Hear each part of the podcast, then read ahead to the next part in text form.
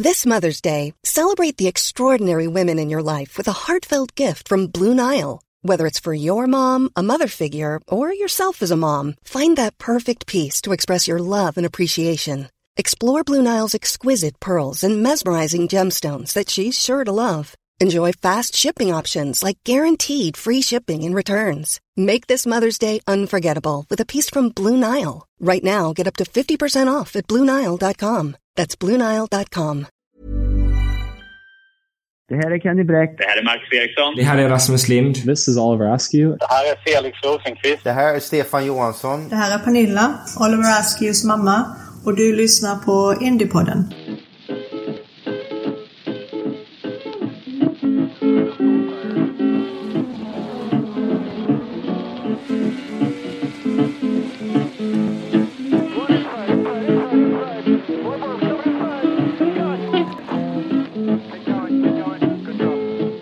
I wanna know where my easy rider gone. Said I wanna know where my easy rider gone. She's an easy rider to ride all so long. Äntligen! Nu ska vi avsluta Indiepodden för 2020 grabbar, eller hur?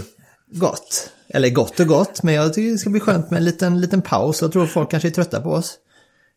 Va? Nej. Eller, Jag är trött på er. Ja, det, ja framförallt det. Det var en omskrivning. Jag känner... Åh, hör Jag jag, är bara folk för dig Ronny. hör jag Gergeis röst en gång till i luren, då, fan, då vet jag inte vad jag gör. Jag är uppe, galen. Nej, jag, är, jag är jättetaggad inför en säsongsfinal, vår första. Ja. Och det blir ett jätte, jätteroligt avsnitt, för vi slår på stora trumman och eh, kommer ju höra inslag från eh, några favoriter från gångna året och en sprillans ny intervju med Niklas Jönsson. Så det här kommer bli fullspäckat det här. Ja, nu ska vi faktiskt unna oss också. Vi brukar ju känna så här, vi får inte bli för långa avsnitt och försöka hålla oss alltid eh, som, så ofta det går, liksom, un- under en timme så. Men jag tänkte nu kör vi öppen sluttid på den här, den här finingen. Mm, precis. Så eh, åtta timmar, åtta, åtta timmars podd blir det här nu. Ta ledigt folk. Det här kommer liksom räcka hela fram till mellandagen. Vi kommer att göra som så bara för, för inte vi ska bli för ordrägliga, men att vi, kommer, vi kan lägga in i beskrivningen av avsnittet liksom lite hålltid och så här så att om ni vill hoppa lite i podden så kan ni, så om ni vill hoppa fram till Niklas intervju så kan ni göra det direkt. Men vi kanske kan nämna vem eh, Niklas Jönsson är. För inget ont om Niklas Jönsson, men jag tror inte han eh, finns på precis alla racingintresserades horisont idag. Nej, han har ju varit en liten doldis på senare tid i och med att han kört eh, eh, mindre sportvagnserier runt om i världen, inte bara i USA, där han bott de senaste 20 åren, utan han har ju kört World Endurance Championship, European Le Mans Series, han har drivit stall i eh, mindre IMSA-serier. Eh, han har kört stort sett alla sportvagnserier i USA och då inte bara moderna IMSA, som vi kallar det numera, utan Eh, Nascars gamla sportvagnsserie som kallas för Grand Am. Han körde American Le Mans Series och eh, stort sett alla sorters sportvagnar och GT-bilar, prototyper man kan tänka sig de senaste 20 åren. Niklas Innan- tillhörde ju den, den absoluta Formel 3-eliten i Skandinavien på 90-talet. Så ja, På Formel 3s storhetstid kan man säga och eh, jag minns inte den för att det var precis de åren jag föddes. ja. Och det, det jag minns av Formel 3, det är ju bara att det var på dekis samtidigt som STCC växte, växte sig stort. Eh, Så jag skulle vilja jättegärna göra en Formel 3-special någon gång 2021, för när man smsar liksom med Janne Flash, eh, så han blir ju eld och lågor så fort man nämner något om Formel 3 den här tiden. Och Fredrik Ekblom var ju med där, Kenny Bräck har väl också historier om Formel 3-lopp. Så eh, det vill jag gräva i eh, nästa år. Eh, Och eh, Niklas delar ju med sig med lite minnen därifrån också förstås. Och massa kunskap om amerikansk racing och Oh, ja. sin erfarenhet och sådär. Väldigt kul snack som vi har lite längre fram för er. Men vi börjar inte där va? Vi börjar, vi börjar i Mellanöstern. Ja, vi får väl lov att göra det. För vi är ju inte de enda som tittade på Formel 1 från Bahrain igår och blev väldigt chockade över det som hände det första året då med Romain Grosjean. Vilken jäkla smäll. Ja, jag... Eh, eh, man blev lite shell-shocked. Det var liksom scener från en annan era. Jag har Ja. då aldrig sett en sån olycka under min livstid. Nej, Den där inte, var som bilder från 70-talet. Alltså inte den omfattande branden alltså. Det, det, jag är chockad. Det, jag började tänka på ganska snabbt, det var ju ja, 70-talet då, men just att det var ju 70-talsteknologi inblandat i den här smällen. För han körde ju in i ett armkorräcke. Armkorräcken har ju varit livsfarliga för racerförare sedan 70-talet. Man kom ju på det då. Liksom F- François Sevin och Helmut König omkom ju i kollisioner med, med liknande Grosjeans men i lägre hastigheter då när armkorräcken gick sönder. Och bara förra avsnittet Ronny så pratade vi lite om Rick Mears olycka på 80-talet när hans ben trasade sönder när han studsade in i ett armkorräcke. Just det. Så varför finns de kvar på moderna racerbanor? Och Bahrains GP-bana är ju en av världens mest moderna racerbanor också. Så det är en konstig översikt som motorsportsindustrin har gjort. Verkligen. Man har ju jobbat otroligt mycket med bilarnas säkerhet. Och, alltså jag tror om det här hade bara varit för något år sedan så tror jag inte Grosjean hade gått därifrån levande. Men jag tror verkligen att det, Halon bidrog mycket till att han liksom klarade den här i princip totala penetrationen av armkorräcket. Jag påminde mig om en eh, väldigt obehaglig olycka som satte djupa spår i mitt intresse för, för racing överhuvudtaget. När, när det stora ungerska Formel 3-hoppet, Csaba Kesiar på 80-talet, omkom på Norris ring. Han körde tysk Formel 3. Och, och av oklar anledning körde rätt in i ett armkorräcke och penetrerade det. Alltså åkte, skapade ett hål genom armkorräcket. Och omkom omedelbart på den tiden. Men det var ju såklart, det här var 87 om jag minns rätt. Så att det var ju långt före Halons, Halon var påtänkt. Så att, ja, väldigt obehagliga bilder. Men eh, som ni säger, alltså, man, man kanske borde jobba mer med säkerheten kring banan och inte bara med bilar. På det sättet som man har gjort i Indycar. Men så har man också gjort det mycket med banan. Eh, avåkningszoner, större, andra material i avåkningszonerna. Men det här är också en olycka som händer i en trafiksituation mitt på en raksträcka. Det är svårt att tänka sig ur liksom, en sån situation. Eh, men det är, jag, tänkte också lite på varför eh, antalet dödsolyckor i Indycar eh, blev så pass mycket färre på 70 och 80-talet.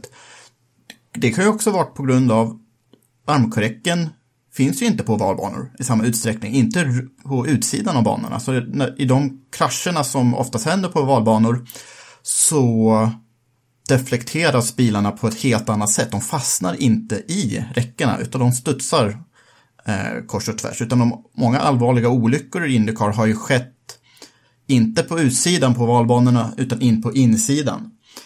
Eh, Greg Moore omkom då inte mot ett armkorräcke, men vi nämnde Mears eh, som eh, hans ben trasade sönder när han studsade på insidan av banan. Eh, Chip Ganassi, alltså Chip Ganassi själv var ju med om en olycka på 80-talet när han skadade sig allvarligt när hans bil eh, flög in i ett armkorräcke också. Och en hel del spektakulära olyckor i Nascar har också skett för att bi- bilarna, väldigt tunga bilar, de tas inte upp av armkorräcken på ett bra sätt utan de trasas sönder. Ett trasigt armkorräcke är ju som en konservöppnare mot en racerbil må- många gånger. Särskilt igår. Ja, det var otroligt skönt att se i alla fall nu här idag att eh, det gick så pass bra som, som det gjorde och att eh, Det finns ju en Indycar-koppling här också i och med att det har börjat gå rykten om att Grosjean ser en framtid i Indycar. Men jag måste säga, undrar om han har blivit mer eller mindre sugen på att köra ovaler efter den här, efter den här eh, incidenten där han eh, verkligen duckade en kula. Vad tror ni? Jag tänker, att, jag tänker att hela, alltså inte bara just oval, ovalerna skulle vara mindre aktuellt för honom utan det frågan är hur han ser på hela sin karriär nu med tanke på att han har familj och barn och han är i den åldern han är i nu. Det känns ju som, det, det känns som att turkapitalet är förbrukat när man klarar sig ur en sån här situation. Det är lite samma sak som när Kenny eh, överlevde sin Ja. krasch liksom. Att där, ja, där, där var, där, där var turbägaren tömd liksom. Ja, jag tror att han ogärna ens vill tänka på framtiden förrän ja, han är ur sjukhuset. Just nu när vi spelar in så har det precis tillkännagetts att han inte kommer köra eh, det andra loppet i Bahrain, utan Pietro Fittipaldi ska köra där. Så han kommer nog, alltså Grosjean kommer nog bara försöka komma till start i Abu Dhabi och sen ta varje dag i sänder. Vänt, där, där har vi också en Indycar-koppling. Det här blir fjärde Fittipaldin va? Är det inte så? Emerson, Wilson, Christian, Pietro. Ja, Jag får till fyra va? Pietros lillebror Enzo kör väl Formel 3 också. Just det. Så men det i är också en F1 klan. tänker jag. I Formel 1 tänker jag. Ja, jo, men, men så, så kommer det bli. Det är, eh, nu snackar vi dynasti alltså. Verkligen. Pietro har ju kört lite Indycar. Uh, Körde sex lopp typ 2018. Eh, han bröt ju benen i sport, sportvagnsolycka så hans Indycar-satsning eh, blev ju liksom, han kom, han inte ens börja. Han skulle köra Indy 500 men så kraschade han på spa i en LMP1-bil och sen så kunde han bara köra några få lopp i slutet av året. Eh, Men ja, det är en annan dynasti som vi kommer in på lite mer för vi kan ju snacka eh, mycket historia idag också. Ja, för förra veckan pratade vi 80-talet och vi tänkte ju ta 90-talet nu då med en liten twist. För det är faktiskt nu när vi, när vi gick igenom hela det här, allting som hände på 90-talet, vilket man kan ju säga, det var väl lite Indycars storhetstid för många. Eh, man tänker liksom Indycar på 90-talet. Men det var ju också den tiden då det var faktiskt den första svensk invasionen i Indycar. Så vi, eh, ja men vi, eh, ska vi kasta oss in i detta? Ja, vi gör det.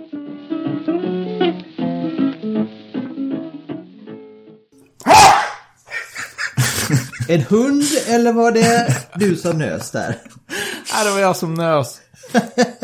ah, Jag tänkte jäklar, de har skaffat, de har skaffat eh, Dobermann eller något. jag är ökänd för mina enorma nysningar. Ja, prosit. Nej, jag, jag är strax tillbaka. Det är nästan så att om det där är corona så tror jag fan jag är smittad nu. Oj, Genom oj. mikrofonen. det var det värsta jag har hört. Vad sa du? Mun... Ja, Stefan Munskydd Johanssons på. munskydd på. nu när du Sorry. är tillbaka Gerge, nu kan vi säga det faktiskt att eh, Jakob sa det gick ifrån. Det är nästan så att man blir, nästan blir lite smittad av dina basilusker där nu med den nysningen genom mikrofonen. Så Jakob har på sig Stefan Johanssons munskydd här nu och det är ju så att Ja, vi har ju fortfarande, vi lyssnare, ni som lyssnar på Indiepodden, alltså anger ni rabattkoden Indiepodden i Stefan Johanssons eh, webbshop under stefanjohansson.art eh, stefanjohansson.art så har ni 20% rabatt på hela sortimentet. Inklusive eh, munskydd här nu. Eh, Fantastiskt. Du, du gör så här spontan content av min nysning. Ja. Det är liksom, snacka om pang på. Du kommersialiserar min nysning. Ja. Men absolut, det är vad man behöver i sådana här lägen. Det är ett snyggt andningsskydd. så vi säger tack till stefanjohansson.art. Segway en Denna segway. nysning sponsrades av Stefan Johansson. Den här nysningen var sponsrad av stefanjohansson.art. This sneeze is presented by... Ah, härligt. Ja, Inspirationen bara flödar ur dig. ja, verkligen. 90-tal. Ja, när man tänker sig Indycars storhetstid är det många som tänker sig just 1990-talet då. Eh, racingen var bättre än någonsin. Det fanns en otrolig mångfald bland banorna och inte minst bland förarna som nu kom från precis hela världen. Eh, man hade öppnat en ny marknad också. Eh, Första internationella stapeln i ett stadslopp med Surfers Paradise i Australien. Och nu till och med F1-världsmästarna verkade vilja vara med. Ett problem dock med den här utvecklingen var att en allt större del av fältet bestod av europeiskt skolade förare. Problem och problem kan man ju säga, det är inte problem när förare som Stefan Johansson eller Nigel Mansell vill vara med. Men eh, när kommer en förare med tjockare plånböcker än resultatlistor och meriter? förare som inte hållit måttet i Europa, när de kommer och köper sig en plats i Indycar, då stängs ju andra, kanske mer talangfulla förare ute. Så när de här nordamerikanerna som vuxit upp med på dirt tracks med sprint cars som Foyt och Andretti och Anser-familjen gjorde, då gror ju en sorts misstro mot sportens legitimitet. Man ville ha de bästa förarna från de alla möjliga olika sorters falanger av motorsport. Men nu blev det så att stort sett alla kom ifrån europeisk formelbilstradition, inte amerikansk längre. Så förare som Jeff Gordon, som drömde om Indycar i ungdomen, han, fa- han fann inte någon realistisk väg in i formelbilsracingens nordamerikanska finrum efter att ha vunnit allt i sprintcars. Så Gordon var realistisk och eh, tog sig in i Nascar istället. Ändå, längst upp i den spetsiga änden av fältet, Indycar på 90-talet, fanns oerhört mycket talang. Så när Jack Villeneuve vann mästerskapet 1995 vann han över ett fält där säkert 10-15 förare hade kapacitet att vinna vid varje lopp. Eh, man hade flera motortillverkare som satsade stort på att klara de andra. Vi hade Ford, Mercedes, Chevrolet, eh, Buick, Honda, Toyota kom också. På chassisidan så hade eh, Lola länge varit dominerande. Penske var där också. Så kom brittiska Reynard också. Eh, amerikanska Swift. Och sen på däcksidan hade det blivit ett däckskrig för första gången sedan 70-talet när Firestone äntrade eh, 1995. Så det var ju ett oerhört konkurrenskraftigt Indycar vi hade då, precis då, under mitten av 90-talet. Men samtidigt så var det ju rätt stormigt bakom kulisserna. Eh, ironiskt nog så blev det ju så. Eh, Indianapolis Motor Speedways ägare, Tony George, Eh, vill spela en större roll i hur serien skulle skötas. Eh, och dessutom då göra serien och Indy 500 mer lättillgängligt för, grä- för gräsrötterna och då särskilt för amerikanska förare. Problemet då var ju att George själv var inte medlem i CART, alltså eh, CART står för Championship Auto Racing Teams som eh, bestod av stallägarna, utan George ägde Indianapolis Motor Speedway. Och stallägarna i CART ville ju inte släppa på sina intressen. Så Georges svar var att han startade en eh, ny serie, en egen serie, kallat Indy Racing League. Och det första han gjorde var att stänga ute karstallen från Indy 500. Och den här nya IRL-serien, den skulle köra med billigare bilar och enbart på ovalbanor för att främja just den amerikanska gräsrotsscenen. Så detta skedde 1996 och splitten mellan kart och IRL var ett faktum till och med 2008. Och de första Indy 500 under de här åren kördes då utan de välkända namnen som Michael Andretti, utan Bob Rahal, utan Al Unser Jr. I alla fall så var Als eh, yngre kusin Johnny med, de första. Och samma dag som 1996 års Indy 500 gick av, stak, gick av stapeln arrangerade Kart ett eget 500 miles-lopp i Michigan, kallat US 500. En jättekrasch decimerade fältet i Michigan redan innan start och det här US 500 skulle aldrig riktigt ta fart. Det sista kördes 2001. Och den här kraschen var ett slags omen. Eh, politiken inom Indycar gjorde det väldigt svårt för många fans att hänga med när det var två olika serier. Känna entusiasm när politiken tog som överhand. Och många i publiken försvann. Så racingen må ju ha varit bra i både kart och IRL under de här åren med fantastiska förare som Alexander Kenny Bräck, Greg Moore. Bilarna och banorna, liksom, det var ju härliga banor och bilar på bägge sidor. Men eftersom publikunderlaget kraschade så på några, några år in på det nya millenniet hade tittarsiffrorna decimerats till ungefär en tredjedel mot vad de hade varit. Men om vi, om vi lägger politiken åt sidan då, om man tittar på några av 90-talets höjdpunkter på banan, eh, Gergely, vad, vad har du för oss där?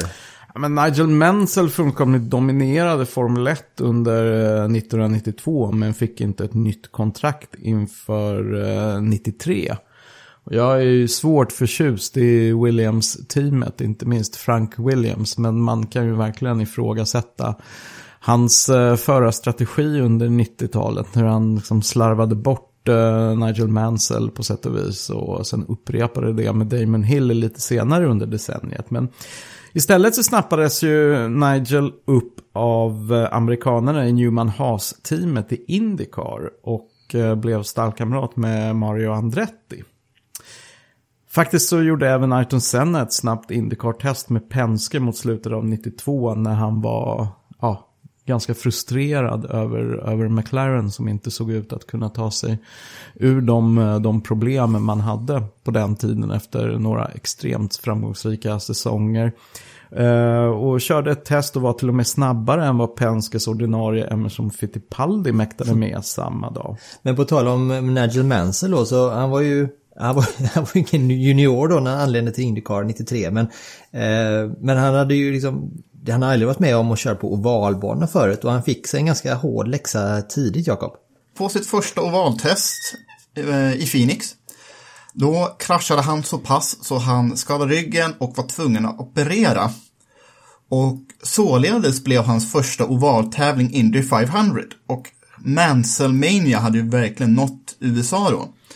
Eh, Mansell vann sitt allra första Indycarlopp, det var i Australien på en stadsbana och stadsbanor kunde han ju väl. Men just ovallopp i över 350 km i timmen, då var han ju rookie. Mm. Ändå så, det, det, det har varit få racerförare som, som var så bra som Mansell var under början av 90-talet. Så han var ju med i toppen på Indy 500. Han ledde till och med fram till den andra sista omstarten, men han gjorde en dålig omstart. Eh, det gäller att vara lite mer alert än vad han var, var med där.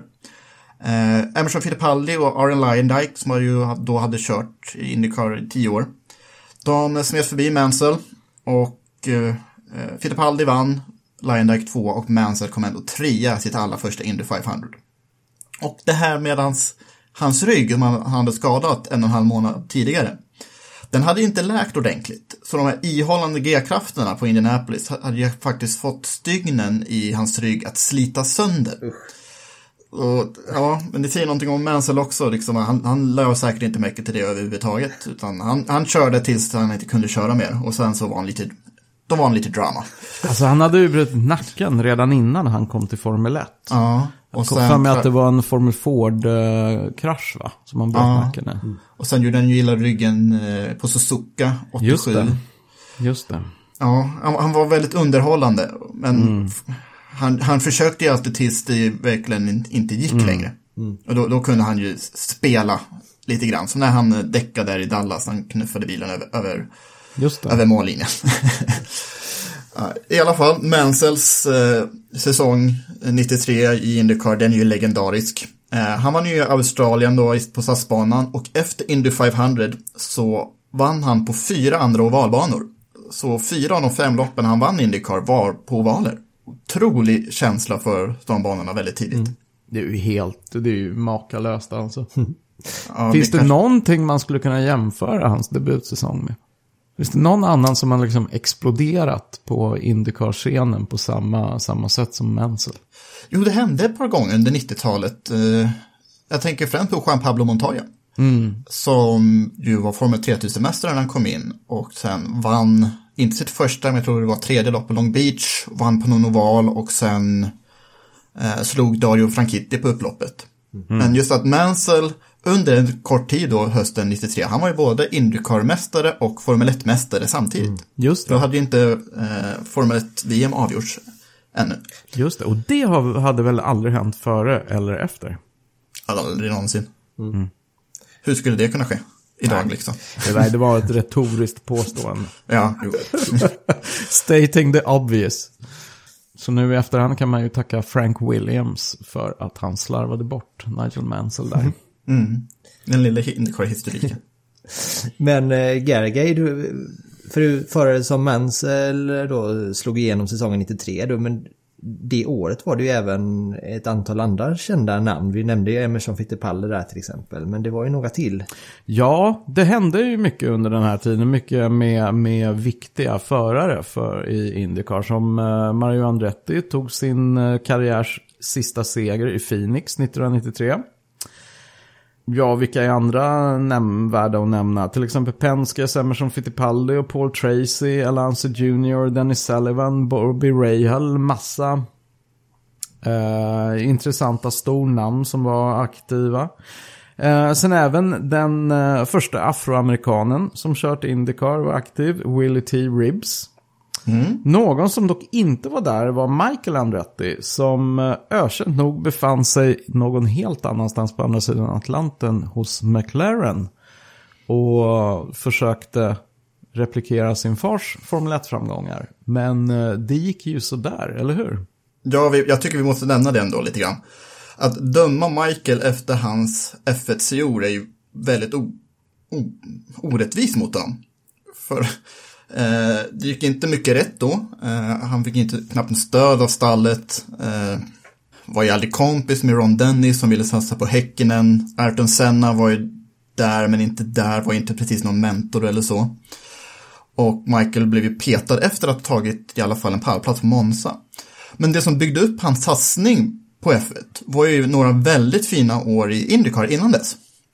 Under några år, cirka från 89 till 92, så verkar det som att när Michael inte vann så bröt han. Alltså, han, han vann när han kom i mål. Eh, Han vann mästerskapet 1991. Han var snubblande nära både 1990 och 92, men bägge gångerna var tillförlitligheten i hans eh, Newman Haas-låda inte där den borde varit. Han ledde flest varv, vann flest lopp under de här åren och eh, han har kommenterat också i efterhand att ifall han kört Indycar 93 i den här bilen som Mansell då fick köra, eh, då sa han att eh, då hade vi vunnit varenda lopp, så starka hade vi varit det året. Men ändå, eh, varken Michael eller någon av hans släktingar i Andretti-klanen hade ju skakat av sig det här hjärnspöket som vi nämnt tidigare, the Andretti Curse. Du var inne på 92 där, men kan inte du berätta lite Jakob om Indianapolis 500 1991? Vi kan väl lyssna på vad kommentatorerna själva sa om det avgörande ögonblicket. The green flag is back out, and Rick Mears comes around John Andretti. He's no factor whatsoever, but Michael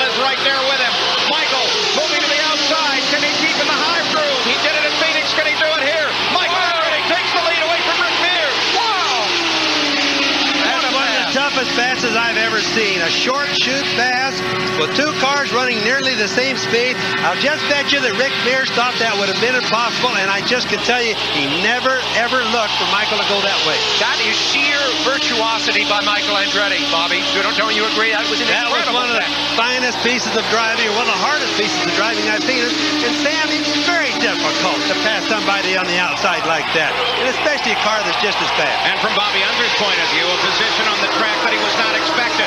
But here is Rick Mears now in the same position as Mears, who has been driving a very different line. This race takes Michael Andretti. 187 laps into the record book. The fight is at the front. Laura, hats off to him now. If you ever see racing better than that, I'd certainly like to know where it's going to be. That's Rick's wife, Chris Mears. Vilken närvaro. Mm. Tycker det är så fantastiskt bra kommenterat av Paul Page, Sam Posey och Bobby Unser där. Liksom, eh, Unser säger att eh, mer skulle jag aldrig ens kom, tänka tanken att titta att någon skulle försöka på utsidan där. Eh, Posey kallar Andretti för en virtuos bakom ratten. Och sen, bara några sekunder senare, så gör Mears samma omkörning på utsidan in i kurva 1 på Indianapolis. Och Mears vann sitt fjärde Indy 500.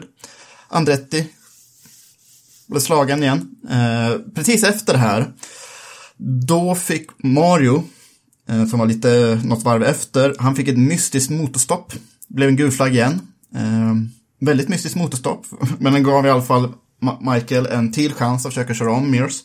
Det gick inte heller, så ja, Michael stod utan Indy 500-seger eh, 1991 och sen kom jag in till 92. När vi pratar om eh, Andretti Curse så 92 var det absolut värsta året för den familjen. Hörrni, får jag flika in någonting helt annat här som egentligen eh, har med historia att göra? Men det är någonting jag har haft dåligt samvete för under ett par veckors tid nu. Kommer ni ihåg för några avsnitt sen när vi snackade om årets what the fuck moment? Just det. Just det Jag, vet sa fel. Jag sa fel! Alltså årets what the fuck moment i uh, Indycar var ju såklart, såklart Andrettis pole position på Indy 500. det var ju det, jag kom på det efteråt. Jag ljög för våra lyssnare om vad jag tycker egentligen. Nej, jag tänkte bara fel. Jag hade förträngt det minnet. Men alltså när man tänker på det och ser det här historiska perspektivet och hur svårt Andretti-familjen har haft på den banan. Så det var ju, det var ju sjukt stort. Ja, det var fe- feel good moment skulle jag nästan säga. Ja, det var, det var så här eh, verkligen äntligen något som går bra för dem. Det var när, du, när du nämnde det så fick vi vara så här, såklart. Det var ju det, hur kunde, jag, hur kunde man ha förträngt det? Eh, men det, det, det var ju någonting jag byggde upp under hela, hela veckan där, så man vågar ändå inte tro att det skulle faktiskt gå vägen hela, hela vägen till slut. Men det gjorde det. Gjorde det. Eh, I alla fall fram till racestart då. Mm. Och Andretti-familjen har fortfarande inte vunnit till Indy 500 sedan Mario vann 1969. Mm. Otroligt nog. Särskilt med tanke på hur starka både Michael och Mario var i början av 90-talet. Mm. För då kommer vi in på 92. 92 är ett väldigt ökänt Indy 500. Eh, Jag har en liten personlig historia när jag var på In- Indy då för några år sedan. Jag har en t-shirt som med bara loggan från 92 på.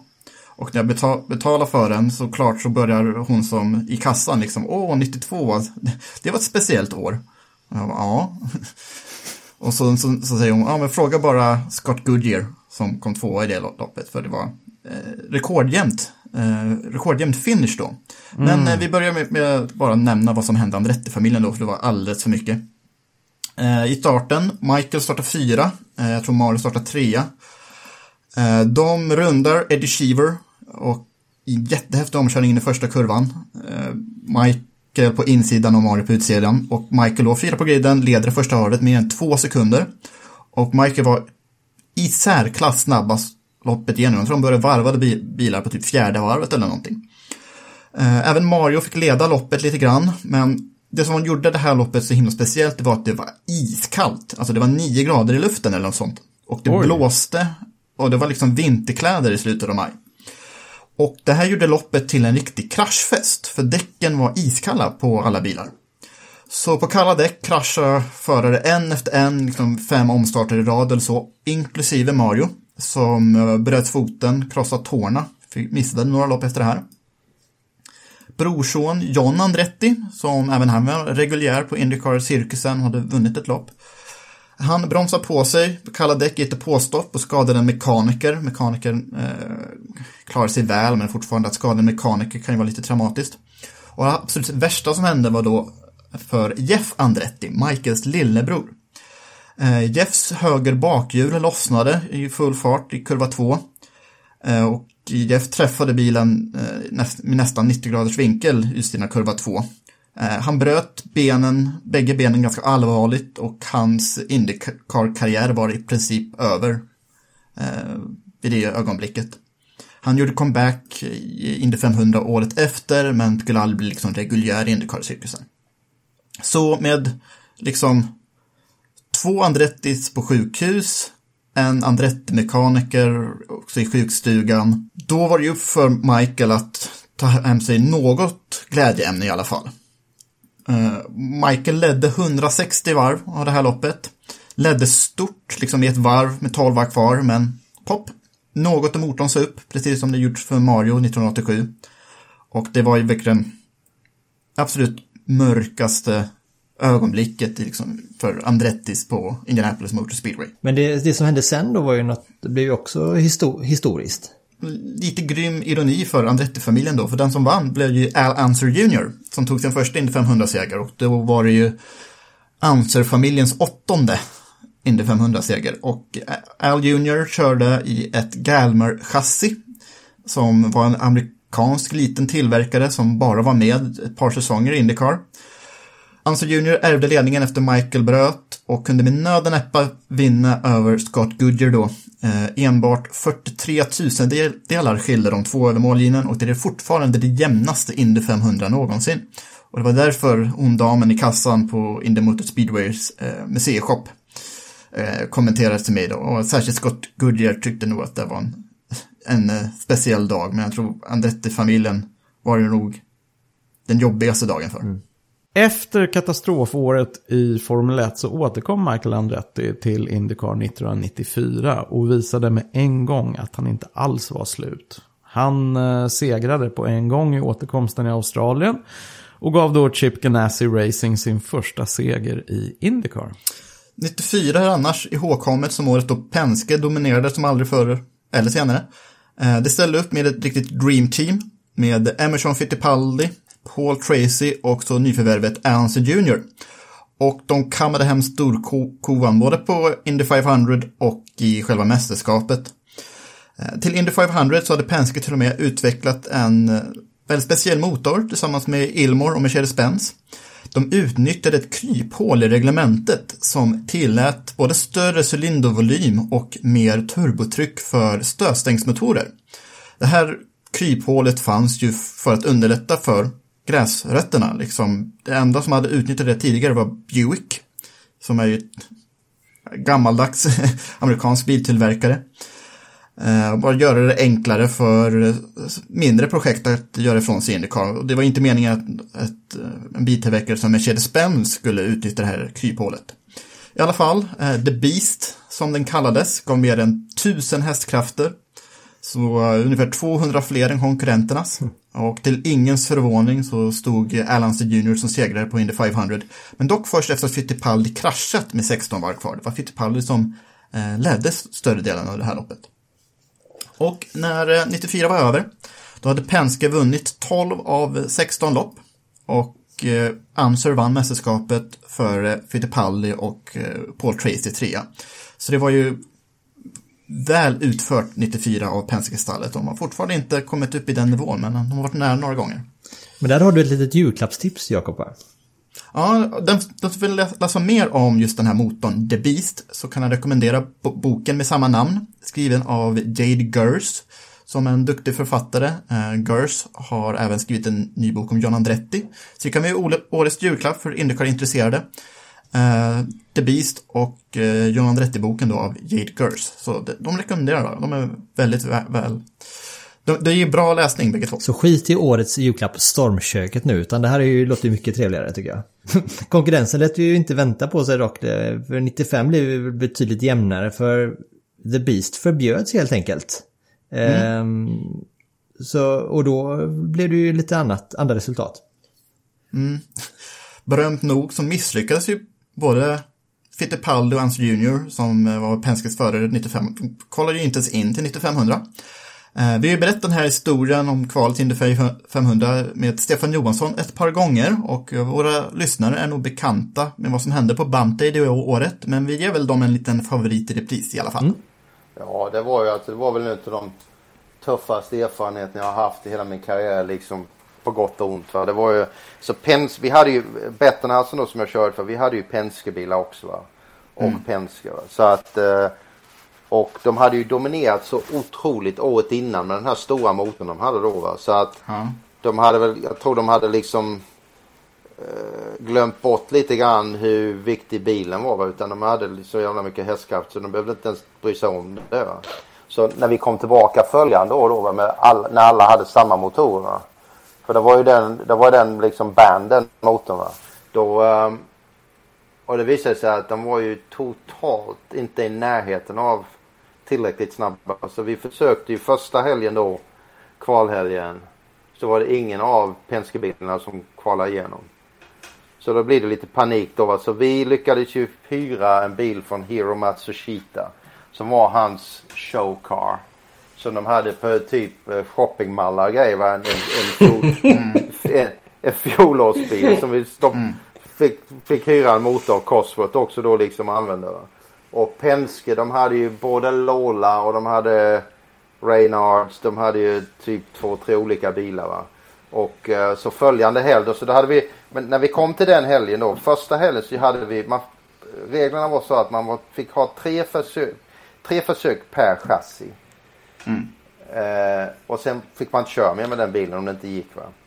Eh, så vi gjorde ju det första helgen men det funkade inte med någon av bilarna, varken för oss eller Penske va. Så då hade vi följande helg och då hade vi tre försök med den här bilen. Och den var ju snabb skitsnabb från början. Liksom. Det var typ direkt 226 varv eh, första gången vi körde ut ungefär. Va? Mm. Så då var vi liksom klara att linea upp då på morgonen där va? och eh, körde ut på första försöket. Det var ty- detta var alltså försök nummer sju då under hela, hela den här processen. Va? Och eh, då blåste pop-off-valvet av va? så då fick vi slänga av den försöket. Och sen var det bara att vänta då till sent på eftermiddagen när det, när det börjar bli kallt igen. Va? För det, det är meningslöst att försöka köra mitten på dagen för då är det så hot, liksom varmt och luftfuktighet och sånt. Va? Så då går det typ 3-4 miles per timme långsammare än det gör sent på eftermiddagen. Så då väntar vi i alla fall till nästa försök då typ fem någonting kanske på eftermiddagen. Åkte ut och då var den bara, det liksom gick inte tillräckligt fort. Bilen var totalt draggy så här liksom va. Och då var det liksom mer eller mindre, hade, hade gett upp mer eller mindre va. För då var det typ bara en kvart kvar någonting när vi hade kört det här försöket. Va? Och eh, så jag bara liksom körde förbi vårt, där vi stod parkerade i depån och körde rakt in i, rakt ner till den här besiktnings, där man ställer upp innan man kör ut igen då. För de besiktar de bilen varenda gång innan man kör ut va. Och så kommer de ner då, Tony Bettenhouse och ingenjören och alltihop liksom. Då var man ju en slags jävla twilight zone mentalt liksom. Alltså att man liksom inte, inte har någon rationell tänkande mer att man ska vara, det här ska gå helt enkelt då, på något vis. Jag liksom sa till ingenjören liksom ta bort all vinge, max negativ vinge både fram och bak. Och det är lite typ, det var typ 2,5-3 grader då va. Och normalt så justerar man en kvarts grad åt gången för liksom vet, känna att man har rätt balans och sådär. Så det här var typ 6-7 gånger mer än vad man hade gjort på en justering normalt. Va? Mm. Och de var liksom alla, nej nej för fan det är okej okay, liksom. Det är, det är liksom, det är verkligen, do it, just do it, fuck it. Liksom så här.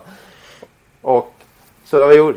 Sen åkte jag ut och då var det liksom när, när jag körde ut, för det var några bilar som var före mig också, så när jag körde ut så gick pistolen av. Det är ju det att då är det eh, kvalet slut liksom. Men om man lämnat depån, när det, då får man avsluta den körningen. Så det var, det var sex på kvällen då.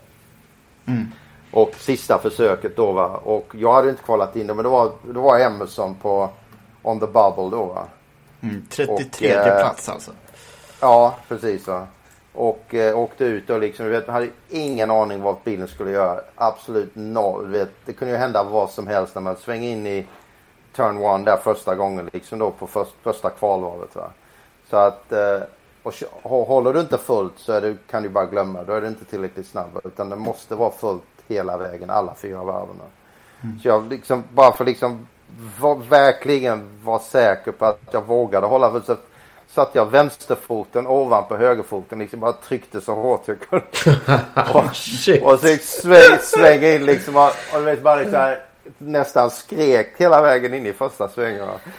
Och det höll ju i kanon va. Det var ju perfekt balans på bilen och gick ju skitfort tack vare att det var så lite vinge på den. Va? Så jag hade ju kvalat in typ andra ledet normalt. Alltså om jag hade kört vanligt. Va? Så vi kvalade ju in då och sen blev ju Emerson ut, utknuffad då. Så det var, Mm. det var en, men vet, efter det, sen, det var så otroligt mental, alltså sträcka sig, jag har aldrig sträckt mig själv så långt liksom och inte veta vad som skulle hända liksom. Så där, när man går in i det här totalt mörkt hål någonstans liksom när man inte Mm. vet vad som finns på andra änden egentligen. Va? Men, eh, och det var ju en otrolig, alltså jag var ju totalt knäckt i tre dagar efter. Alltså jag kunde fan inte fungera som en vanlig människa alltså. Det, det Vad större- häftigt. Det, det, Ja. Eh, var det det större var, än Portugal och Belle Isle, Ja. Le Mans? Ja, absolut. Det var just med det att, med att man att jag aldrig någon gång sträckt mig själv så långt. Mm. Liksom utan att veta vad som skulle hända efteråt. Stefan fortsatte ju med Bettenhausen till och med 96 då med bästa resultat eh, fyra stycken pallplatser var det som bästa resultat och 11 blev han i totalen 94.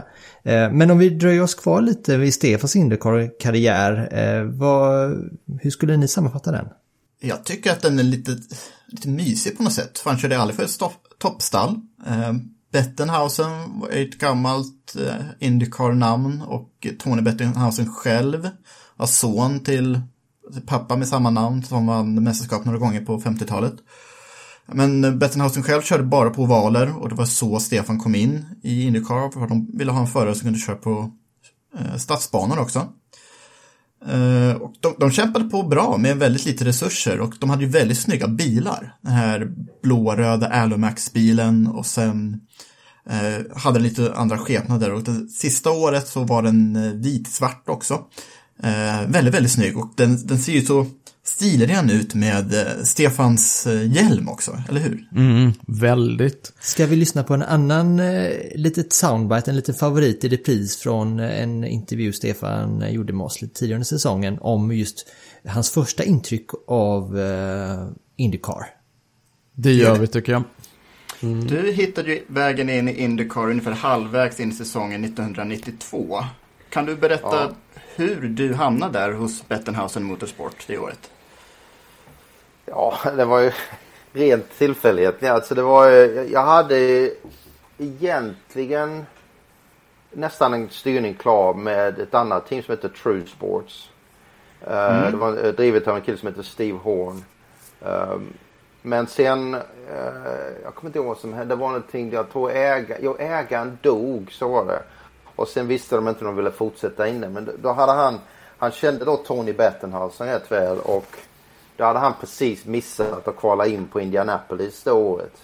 Okej. Och eh, han tyckte egentligen bara om att köra på ovaler så då hade Steve snackat med honom och, och, få, och liksom kollat om han var intresserad av att köra mig på Detroit eh, följande race helgen efter Indy då. Va? Så det var sådär att liksom det bara hände på några dagar va? som de flesta grejer i min karriär gjorde på någon konstig anledning. Men, så jag flög över. Vi, vi, vi gjorde en test på en liten gokartbana utanför Indianapolis. Typ 20 varv bara så fick, visste att stolen passade och sånt där. Va? Sen stack vi till Detroit och det var liksom där man kört F1 i 10 år. Och dök upp där och då hade de liksom det här, det var ju så otroligt litet team. Va? De hade ju aldrig, jag tror inte de hade varit bland de 10 bästa något race innan. Någon gång va. Och med jävla pickup truck och ett släp bak liksom. Och men i alla fall så jag, jag kval- kvalade in sjua, åttan. någonting sånt där, va. Sen kom vi ju trea i racet. Va? Liksom, det var ju, du vet, de höll ju fan på att dö allihop liksom. Men, ja. Ja, sen, så, men sen i alla fall så det blev ju så att Tony då när han, när han kom upp på, till podium då. Ah, I guess that's the last time I sit in this car. så så han, han la av på stubben liksom. Sen fick jag styrningen resten av året. Sen var jag, körde jag för dem i fem år då. Sen. Personligen vill jag inte riktigt peka ut eh, höjdpunkter och eh, lågvattenmärken i själva karriären. Utan jag vill snarare se på Stefans roll för det som senare komma skulle. För nu i efterhand så kan man ju definitivt se eh, Stefan Johanssons flytt över, över Atlanten efter den eh, avslutade Formel 1-karriären. Definitivt som en murbräcka. En murbräcka som eh, coolt nog fortfarande är verksam och bryter ny mark för svenska juniorer och ungdomar. Och han var ju, han var ju liksom den första. Det kan man inte ta ifrån honom som, som uh, satte sitt namn uh, på Indycar-kartan. Och, uh, och sen, det, det var ju ett första steg för vad som sen skulle bli ett första Scandinavian eller Swedish invasion i Indycar. Ja, det, det är två, två att nämnas att Stefan var ju den första svensken att köra Indy 500 93. Ja, Eh, vi, eller, gjorde ett litet projekt, vi försökte ta reda på lite mer om Bertil Roos Indycar, eller inte Indycar-projekt på 70-talet. Men Bertil Roos nämns bara i Indycar-resultat som did not start, eller did not qualify vid ett handfull lopp eh, 1977. Eh, jag gjorde också så att jag kollade upp de allra första Indy 500 eh, alltså på 1910-talet. För jag lade märke till att det fanns en norrman, eller en norskfödd förare med då på 1910-talet. Tänkte kanske det fanns någon svensk ättling som körde Indy 500 på den tiden. Hittade inte någon sådan heller. Så allt tyder ju på att Stefan verkligen var Sveriges första Indycar-förare. Men eh, Stefan Johansson må ha varit först, men han eh, fick ju inte vara ensam särskilt länge. Han fick nämligen sällskap av, några gånger av Fredrik Ekblom, som också hade en eh, USA-sejour under de här åren. Ekblom körde Indycar mer sporadiskt med lite inhopp under 94, 95 och 1996. Eh, han hade desto finare resultat i sportvagnsracing. Framgångarna kom där istället. Till exempel en andra plats i Daytona 24 timmars 1995. Innan Indycar så hade ju han eh, tillbringat ett par år i Indy Lights med en del fina, om än kanske inte helt spektakulära resultat. Mot bland annat Brian Herta, Greg Moore och fyrfaldiga 500cc-mästaren Steady Eddie Lawson. Och eh, Lights var ju också en spännande klass på den här tiden, början av 90-talet. Eh, inte bara för oss motorsportintresserade, men även för hårdrockare, lite konstigt nog. Eh, det var så att Mötley Crüe, sången Vince Neil, körde i Indy Lights början av 90-talet. Eh, fyra lopp 1992 körde Vince Neil. Det var inte direkt några resultat att tala om, inget, inget som får en, en hjärtat kickstarta direkt. Jag har ju alltid Men- trott att det var Nicky Six som var den coola i Motley Crue. Men det här kanske får mig, tvinga mig att omvärdera det där. Ja. Vad, vad säger du, Jakob, som är så här genuin hårdrockare?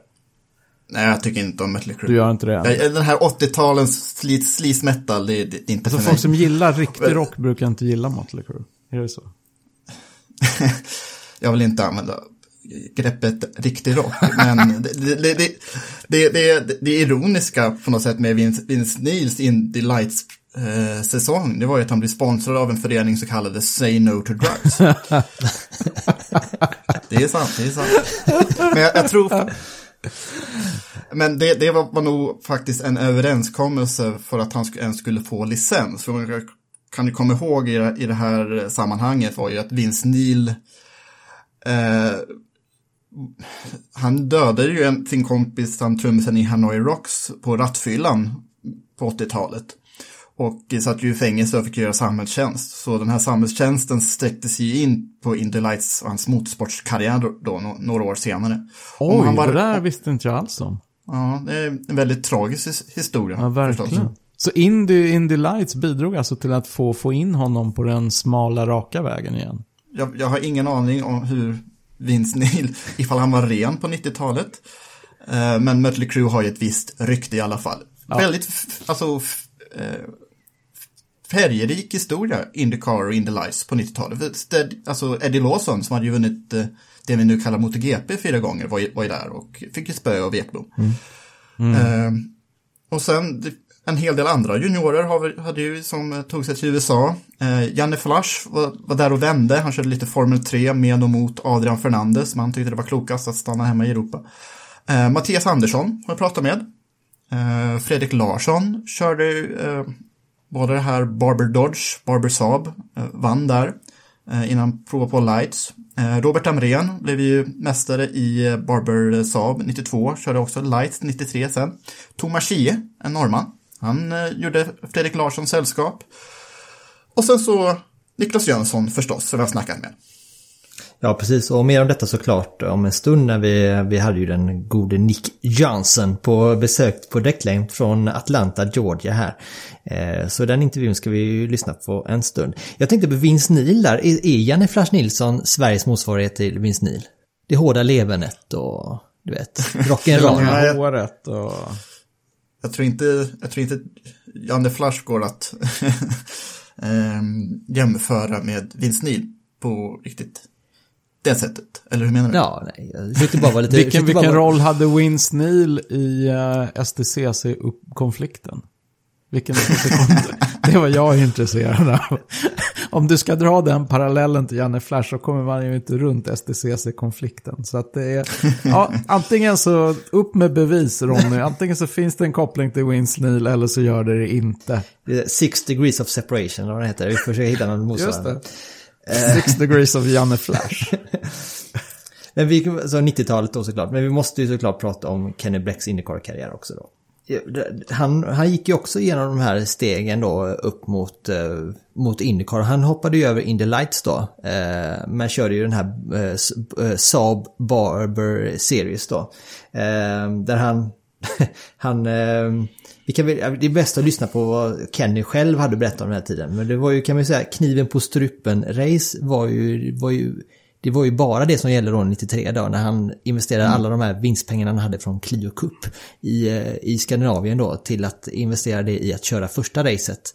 Eh, och sen bara fortsatte det helt enkelt. Vi kan väl höra vad Kenny sa till oss här nu tidigare under säsongen.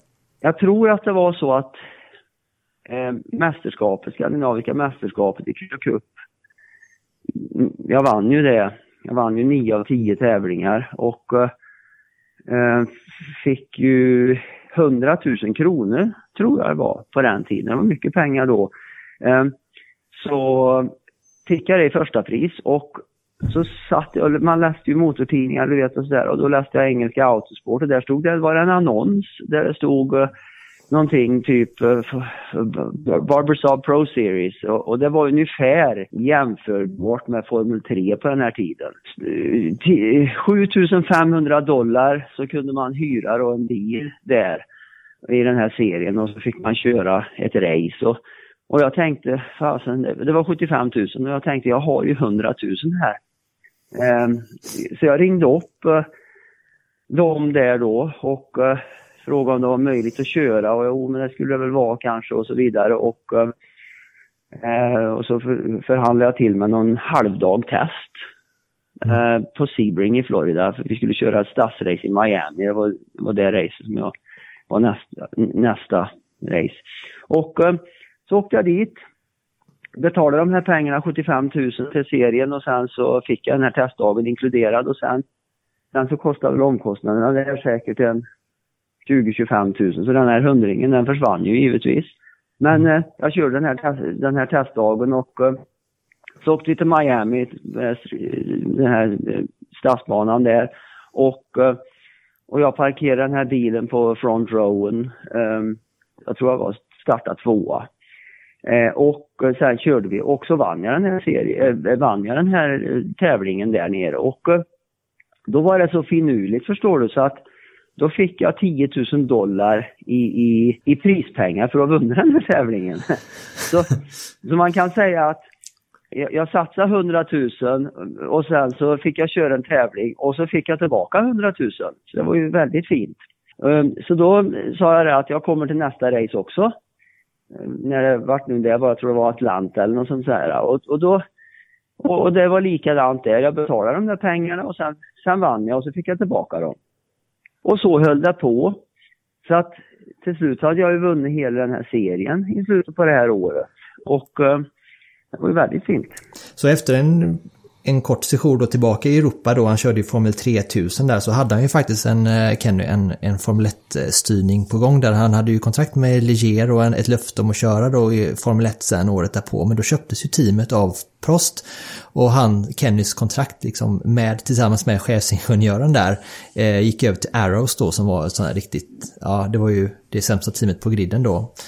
Och då sa ju Kennedy upp till, Kenny upp till eh, kontraktet och drog till USA och hängde i IRL-paddocken där för att få en, en möjlighet. Och den dök ju upp eh, i, eh, i Galles-teamet då, ett lite, lite mindre team där eh, både Kenny då var junior eller rookie och även hans chefsingenjör var rookie. Och det var ju lite som en blind ledde en blind som han själv berättade om eh, tidigare mm. under, i, i vår intervju med honom då. Men då sa han så här.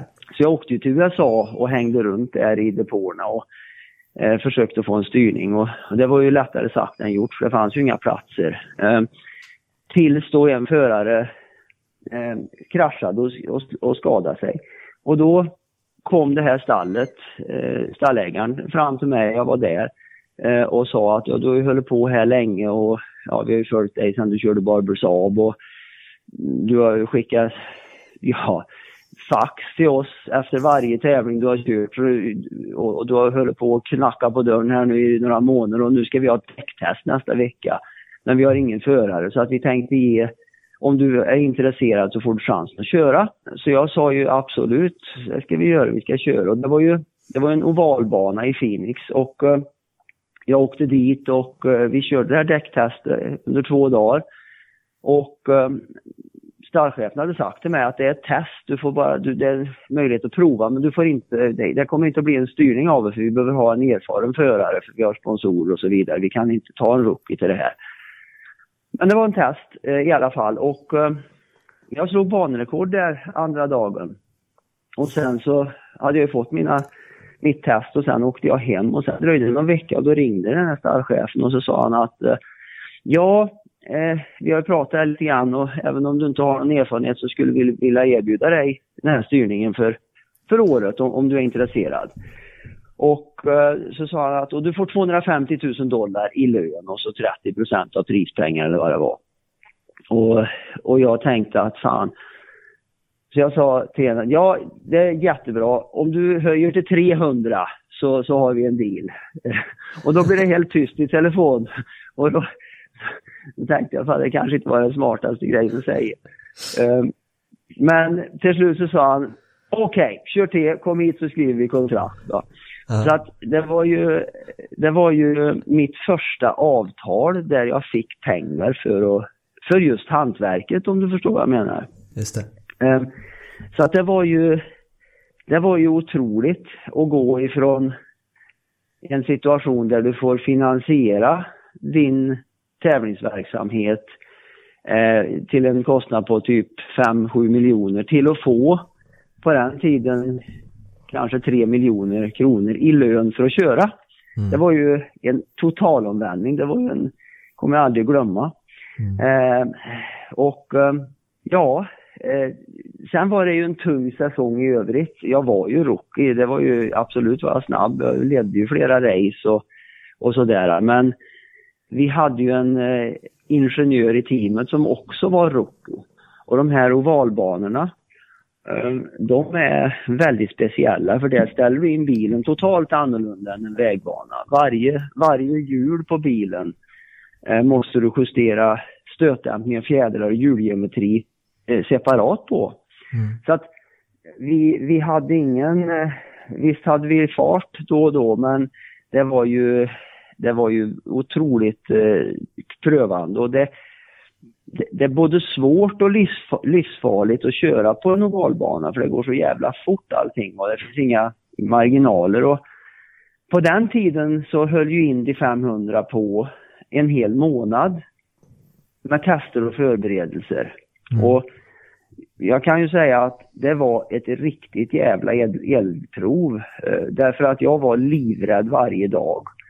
Eh, jag, jag, jag, trodde på allvar att eh, varje dag skulle det, skulle bli den sista för att bilen var helt oberäknelig i, i ja, de höga hastigheterna som det här var, uppåt 400 km i timmen. Och jag, jag bad till Gud på morgonen för att överleva dagen och, och tacka på kvällen för att jag var i liv. Det var, det var en otrolig prövning men ehm, eh, återigen, man, man lär sig av eh, allting i livet. så att det var ju också en lärdom som jag tog med mig sen. Ja. Hur det här skulle gå till lite på annat sätt. Och jag som upplevt dig som fullständigt orädd och att du inte liksom inte har den, den, den du, har, du har den delen av, av eh, hjärnan att du blir rädd för sådana här saker men då var du alltså, det var ett eldrop även eh, för modet Nej, men det, det, är lite, det är lite skillnad på om du har en bil som är beräknelig och du själv ska beräkna en omkörning, risker, du själv ska sätta ett kvalvarv, eh, risker, hur, hur långt du vågar pressa uh, inställningar och dig själv för att få ur den mesta farten och så vidare. Det, då är man ändå, det är en kontrollerad risk. Men mm när du sätter dig i en bil som gör lite grann som man vill, och det var det som var problemet då det här året. Vi, vi körde rakt fram och, och bilen vi åkte över ett gupp till exempel och helt plötsligt så blev det en, en sidkraft i bilen på uppåt 1G och det, det är ganska höga krafter. Eh, och det var oberäkneligt. Man visste inte när det här skulle komma utan man var bara tvungen att försöka reagera och hoppas på att man inte tappar kontrollen på saker och ting. Och, Mm. Eh, jag tror att eh, den här tidiga isträningen som jag hade i, i ryggmärgen, där, där man hade en, nästan ett, en övernaturlig kraft att kunna klara de grejerna och bara göra precis rätt input så att det, så att det gick. Det var kanske det som räddade mig men, men den typen av eh, upplevelse den är man inte den är man inte kaxig i, kan jag säga. Mm. Var, var det, var det eh, snarare bilarnas beskaffenhet det året för alla team eller var det speciellt ert team som hade lite... Nej, det var ju på grund av... Nej, absolut inte. Det var på grund av oss. Eh, jag hade ju ingen ovalerfarenhet och eh, han, min ingenjör, hade ju heller ingen... Ja, min, vi hade ju flera ingenjörer, men chefsingenjören hade ingen ovalerfarenhet heller. Så att det var ju vårat fel. Det var ju som en blind leder en blind. Det var inte så lätt att hamna rätt. Um, så att um, det, fick jag, det visste jag ju inte då, men jag förstod ju att det var så. Men jag visste ju inte riktigt hur det här skulle gå till den här tidpunkten givetvis. Alltså, Kennys 97-säsong är väldigt intressant ändå. För en blind ledde en blind, men likväl, Kenny ledde ju tre lopp. Han ledde sitt första lopp i Phoenix innan han kraschade till och med. Eh, två femteplatser blev det till slut. Eh, och det här eh, gallestallet, det, det här är, var ett gammalt, ganska anrikt stall. De hade ju vunnit eh, eh, både mästerskapet och Indy 500 med Allanson Junior några år tidigare, men de hade ju förlorat både Junior och starka sponsorer, så de var ju tillbaka på ruta 1, 97 ungefär. Och sen tycker jag det är ganska ironiskt med Indy Racing League det här året. Eh, de här första åren när utbryterserien då. För det gick ju bra för Kenny Bräck som inte alls var från amerikanska gräsrotsscenen. och det var en hel del andra europeer som kom över och körde där. Eh, Michele Alboreto körde några Indycar-lopp i IRL 96-97. Eh, Alessandro Sampedri som senare vann Porsche Supercup ett par gånger och eh, ett gäng andra. Så att den här idén om att IRL skulle vara för sprintcar-förare som Jeff Gordon och Tony Stewart bara. Eh, det, det, så blev det ju aldrig riktigt, utan det blev ju en värmlänning som blev den seriens mest framgångsrika förare. Ja, precis, för han skrev ju på eh, för AJ Foyt 98 då och då vann han ju mästerskapet samma år då och var väldigt nära att vinna Indy 500 det året också. Det var ju en, en missräkning där i mjukvara, eller i, ja, i den mjukvaran han jobbade med då, vad gäller bränsleåtgång då, vilket gjorde att han kunde inte fullfölja loppet eh, så som det var planerat, vilket gjorde då att han inte vann det året. Men däremot så kom ju då den beryktade segern i Indy 500 1999. För du var ju kvar, du var ju kvar hos AJ eh, 99 då, då, då blev du ju tvåa i serien det året, men du plockade ju samtidigt den största raceseger i karriären, Indy 500 det året. Den historien har vi ju hört återberättas eh, åtskilliga gånger. Eh, men jag förstod det som att snacket, på snacket mellan dig och AJ innan så hade ni segervittring. Eh, stämmer det? Att ni kände, hade det på känn? Ja, ja alltså det hade vi ju. Vi, hade ju, vi ledde ju Indy 500 redan 98, första året vi körde mm. ihop. Men vi bommade ju för att eh, vi, hade, vi hade ju, ja, vi hade ett dataprogram som, som som räknar fel åt oss på bränsleförbrukningen. Så vi fick ju soppatorsk i ledningen. Så vi torskade ju på det och blev sexa istället tror jag i slutändan. Och, så att vi, hade, att vi hade en bil som gick fort på Indy, det visste vi ju, men sen var det frågan om att få ihop, Indy är ett otroligt svårt race att vinna du vet, för det är så mycket som, som ska vara, som ska funka. Eh, så att vi hade ju, jag hade ju, serien vann vi 98 och mål var ju att vinna Indy. Jag vet ju när vi fick bilen, eh, den nya då på, i, på hösten, typ i november, då hade jag samlat allihop i teamet runt bilen och sa det att den här bilen, det var bara en, en, en, en, en bar kolfiber, ett bart kolfiberchassi. Det var inga, inga hjulpengar, ingen motor, ingen växel, det var bara en, en, en, en sittbrunn. Så den här, den här bilen ska vi vinna Indy 500 men nu i år, eh, eller nästa år. Och eh, nu måste vi verkligen se till så att allting är perfekt. Och vi började, vi tränade påstopp, vi, alla grejer som skruvades på, mätningar, eh, passa in alla delar. Det är otroligt viktigt för att få rätt luftflöde. Allting var ju väldigt noga förberett och själv så var jag uppe på Indianapolis och eh, ja, gick runt banan, kröp runt banan, visste varenda gupp i banan och varenda brunnslock i gräset utanför banan. Ifall, ibland måste man ju lägga ett, en halv bil utanför banan när det blir trångt och man kanske måste komma förbi och köra om eller något sånt där. Va? Mm. Jag, jag hade så en jävla koll på alltihopa. Eh, och hela teamet, eh, vi jobbade på vi hade en otrolig teamanda på det sättet med, med, med all preparation och så vidare. Och det enda var, det enda var kanske däcken. Vi, vi körde Goodyear och, och Firestone var ett lite mer effektivt däck över en race-distans. Eh, och eh, det var ju någonting som vi hade som vi hade kanske möjligen emot oss men vi, vi lyckades i alla fall på någon jäkla vänster att ställa in våran bil och leverera en bättre prestation totalt än de som då hade fördelen på de här däcken. Um, och uh, så vi hade på känn att vi kunde vinna givetvis. Uh, sen så är det ju alltid så att uh, det finns massvis med saker som kan gå fel utan att man överhuvudtaget kan räkna ut det från början. Så att, men, men det gick inte fel. Ja, för du har ju beskrivit Indy 500 som ett race som är otroligt svårt att vinna. Var, varför, kan du beskriva varför det är så? Ja, det är ju, det är ju det är helt oberäkneligt på många sätt. Väder och vind och eh, banförutsättningar. Och det tar tre, drygt tre timmar att köra och det, det är extremt lätt att göra ett misstag och ibland så kan det till och med dras in i andras misstag. Det är också väldigt lätt. Det är extremt tufft för materialet. Eh, numera kanske bilarna går mer tillförlitligt men på min tid var det inte alltid så. Dessutom så beroende på hur racet utspelar sig då, så blir det ju många olika bränslestrategier som både kan hjälpa och skälpa. Så att eh, det finns en rad olika saker som man inte riktigt kan ha koll på innan start. Och som sagt, du sa att det, det är ett långt race och så, men om vi går tillbaka till den, de här sista varven. Eh, Eh, 99 där. Så med, med, fem varv kvar så var du två sekunder snabbare per varv eh, än ledaren Robbie Gordon. Eh, som var tvungen att köra och spara bränsle så. Kan minns du, kan du ta oss tillbaka lite till hur tankarna gick innanför hjälmen under de där sista varven när du började inse att det här, kan ju, det här går ju vägen nu? Ja, alltså som jag sa på Indy vet man aldrig att det går vägen för den eh, du vet eh, faller. För att det är så mycket grejer, stress på bilar och allt möjligt.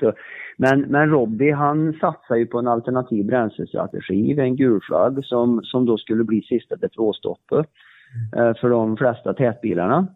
Och eh, då, då låg han kvar på banan då medan vi andra, jag låg väl i ledningen då om jag minns rätt, vi gick i depå för att, för att fylla på bränsle. Mm. Och eh, det här var ju på gränsen till att man skulle klara sig i mål i alla fall för det var inte det, man kunde, jag kunde inte köra full, full, fullt blås hela vägen för då skulle även min bränsle ta slut. Men då fick man spara bränsle under, va, under några varv så att man så att säga kunde skruva upp bränsle, eh, bränsleinsprutningen till max eh, de sista varven. Så att jag tror på den tiden att vi tog oss 30 varv på en tank eh, om vi körde med, med full bränsleförbrukning.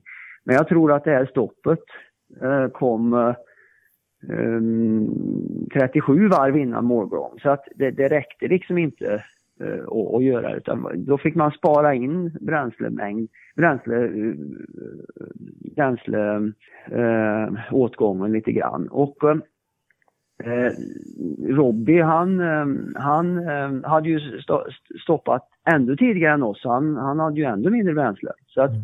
Men när, när, den här omstarten gick då i alla fall så satt ju han av som en stucken gris där medan jag var tvungen då att spara bränsle ett antal varv för att kunna ta mig till mål. Va?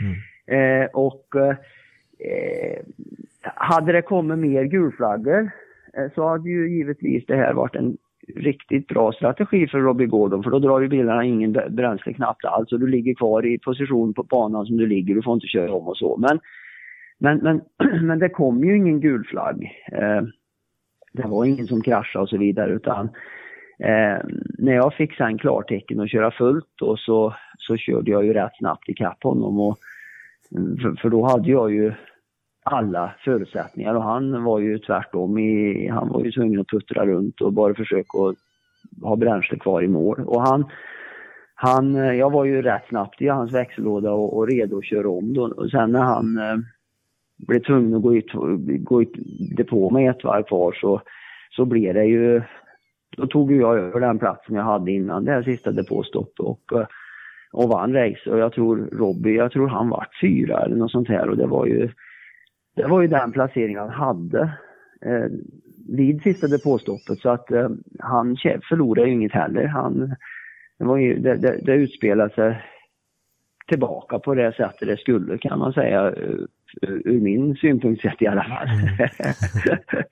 Jag, jag har ju lyssnat på det, jag har ju tittat på det klippet massa gånger just de här sista varven och jag har jag, jag var lite nyfiken på det, den här alltså radiotrafiken som gick mellan dig och din... eh, Ja, det var AJ som var min eh, main contact. Men du vet på Indy så har man också, banan är så stor.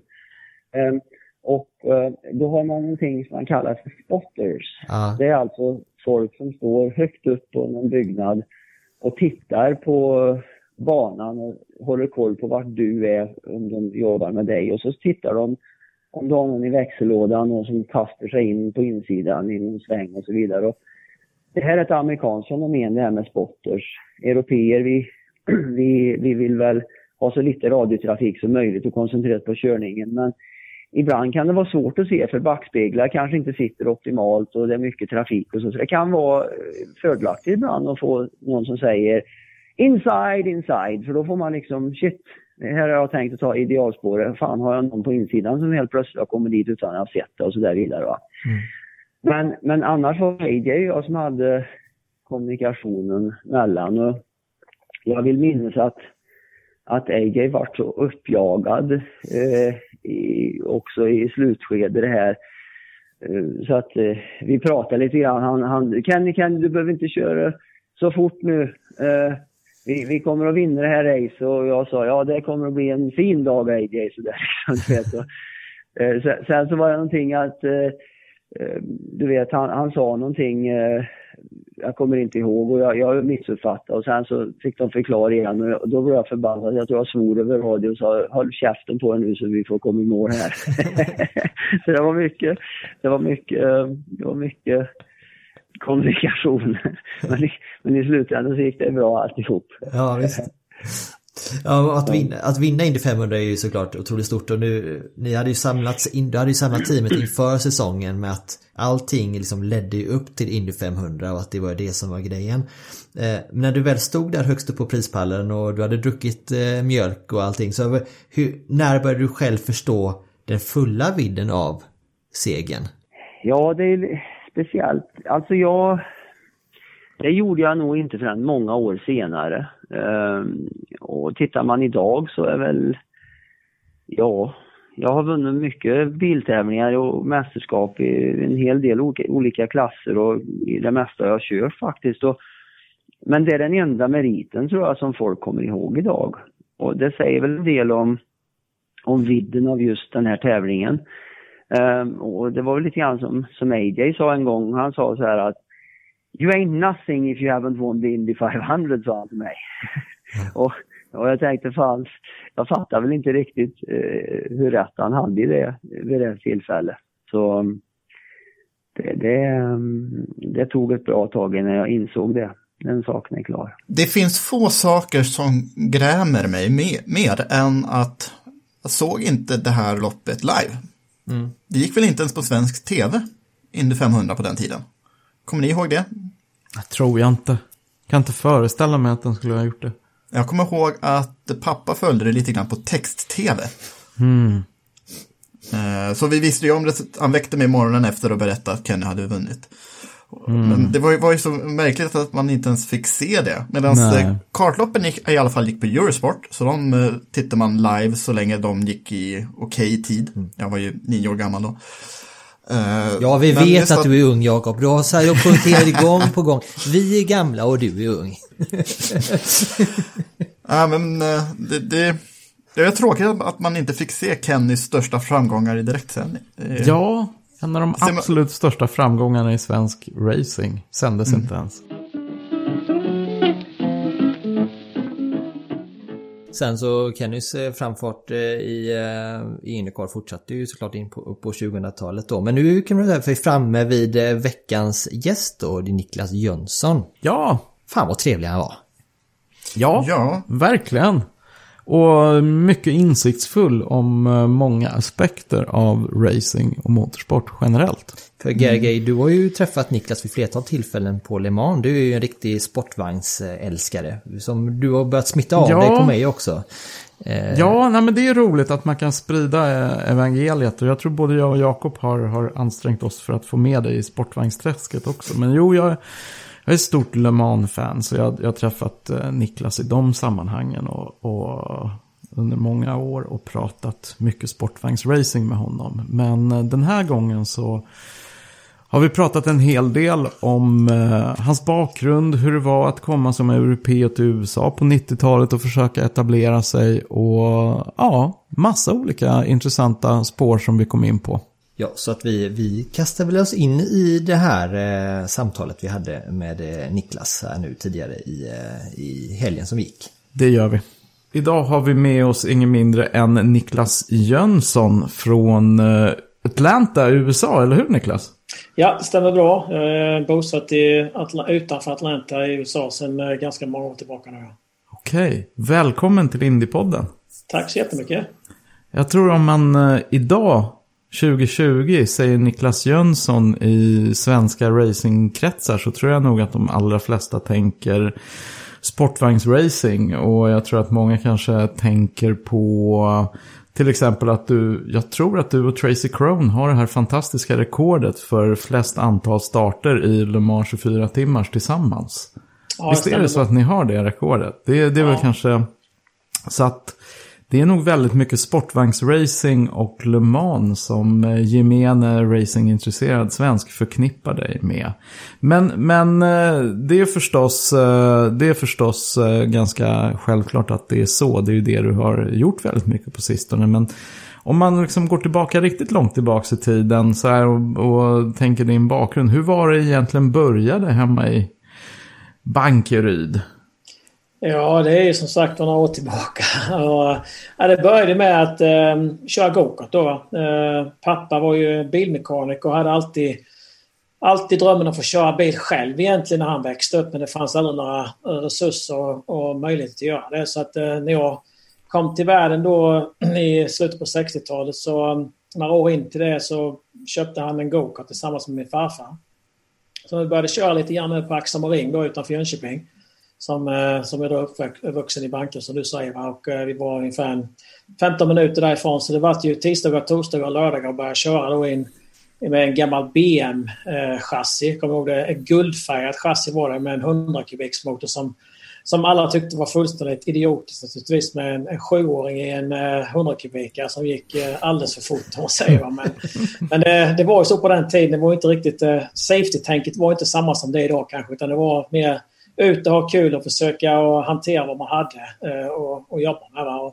Så det, det gjorde vi under, under x antal år innan jag började tävla eh, som, som tioåring då. Eh, 1977 var det. Eh, så att, eh, men eh, ja, där började det en gång i tiden sagt på Vaxholm och Ring. Märkte du, märktes det liksom direkt att det här var någonting du var, hade en fallenhet för? Fallenhet och fallenhet. Jag hade ju enormt intresse och väldigt kul. Tack vare då som sagt att pappa var eh, bilmekaniker. Sen var han också funktionär då eh, inom eh, motorsporten i Sverige och eh, var med på Formel 1 i Anderstorp. Eh, Som funktionär så fick jag följa med dit också då vid tidig ålder. Jag var runt den, jag tror jag var där när jag var åtta år första gången tror jag. Och fick sitta på läktaren då för alla funktionärer fick då, de fick aldrig betalt på den tiden men de fick mat och biljetter till sin, sin familj då så att vi brukade åka dit. Då fick jag väl komma in i, i depån och träffa Ronny och Reine på den tiden också då va. Och så det och lite inspiration naturligtvis va. Så att det, och så, så började de. Sen har jag varit, varit väldigt eh, allround kan man väl säga då förutom att eh, ha hållit på med racing så hade jag andra sporter. Jag spelade bandy på ganska hög nivå, Sam, äh, även innebandy och äh, även badminton då, under, under ganska många år. Så att jag höll på året om kan man säga. Men sen så blev det väl så att äh, motorsporten var det som jag tog störst, störst intresse vid och där jag kanske hade mest framgång också då när jag började komma upp i, i äldre tonår så att säga. Steg du upp till, till eh, riktig bil från karting då? När, när och hur tog du det klivet? Ja, det var ju 1988 då. Eh, var mitt första år som eh, jag steg in i, i, i bilracing kan man säga. Jag körde ju gokart då fram till 1987 och det, vi körde ju växelklasserna klasserna för det mesta. Och jag vann ju då Ronnie Pettersson Memorial där uppe i Örebro som var en stor eh, tävling. Jag vet inte om den fortfarande finns idag men Ja, det tror jag nog. Ja, det gör det kanske. Jag, fann, jag vann den i F80 då och sen äh, även då blev svensk mästare och äh, riksmästare kallades på den tiden. Det hade inte ett SM-status egentligen då i, äh, i national-C och sen började åka Formel C då, sen började åka lite internationellt också med framgång då. Sen var det så att ja, vi ville försöka oss på riktig bilracing då så att vi, vi samlade ihop så mycket vi kunde och köpte hem en bil ifrån från England. Det var en Ralt med en eh, Brabham Volkswagen-motor i då som Johan Rajamäki mm. hjälpte oss att ta hem för han körde ju den här Boss-serien som den hette borta i England då och hade mycket kontakt och så. Va? Så att uh, Johan var den som uh, hjälpte oss att ta hem en bil ifrån, uh, ifrån England då vintern 87 och sen var det jag och min och lillebror Mattias då och pappa och sen en kompis till mig som hankade oss runt i, i Sverige och körde då SMC i, i Formel 3 på väldigt, väldigt eh, små resurser. Vi sprang, eh, det var, var, jag fick kontakt med Itchy Band som vi förmodligen kommer komma till i ett senare tillfälle. Eh, redan då på den tiden. Vi, vi fick ta över eh, Kenny Bracks och Håkan Larssons eh, däck som de hade kört några pass på för att vi hade inte råd att köpa nya däck så vi åkte på, på gamla däck. Då, så, så, så började det att ta steget in i, i bilracing. Då. Ja, det är tuffa förutsättningar alltså.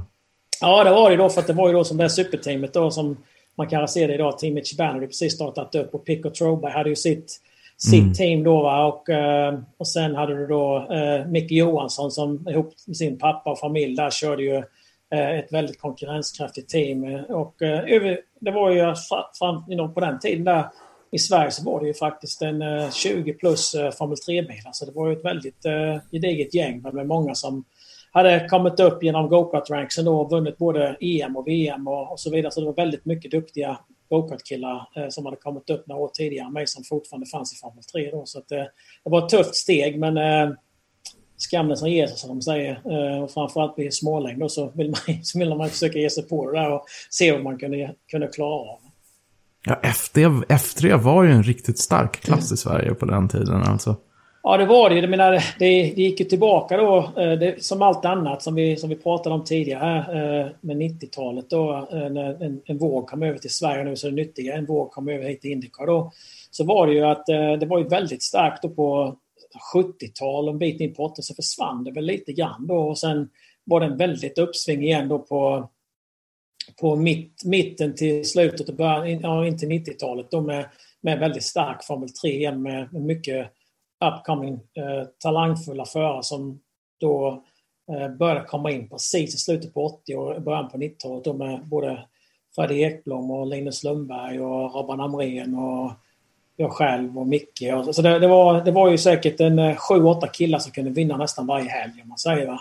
Mm. Och eh, sen hade du då de som hade precis varit där som sagt var och körde hos sista året när jag kom in mitt första år var ju då Kenny Bräck och Håkan Larsson, eh, Micke Johansson, eh, Rickard Rudell och allihopa. Så det, det är många av de namnen som jag nämnde där har ju haft eh, väldigt gedigna eh, eh, karriärer på olika, olika håll i världen.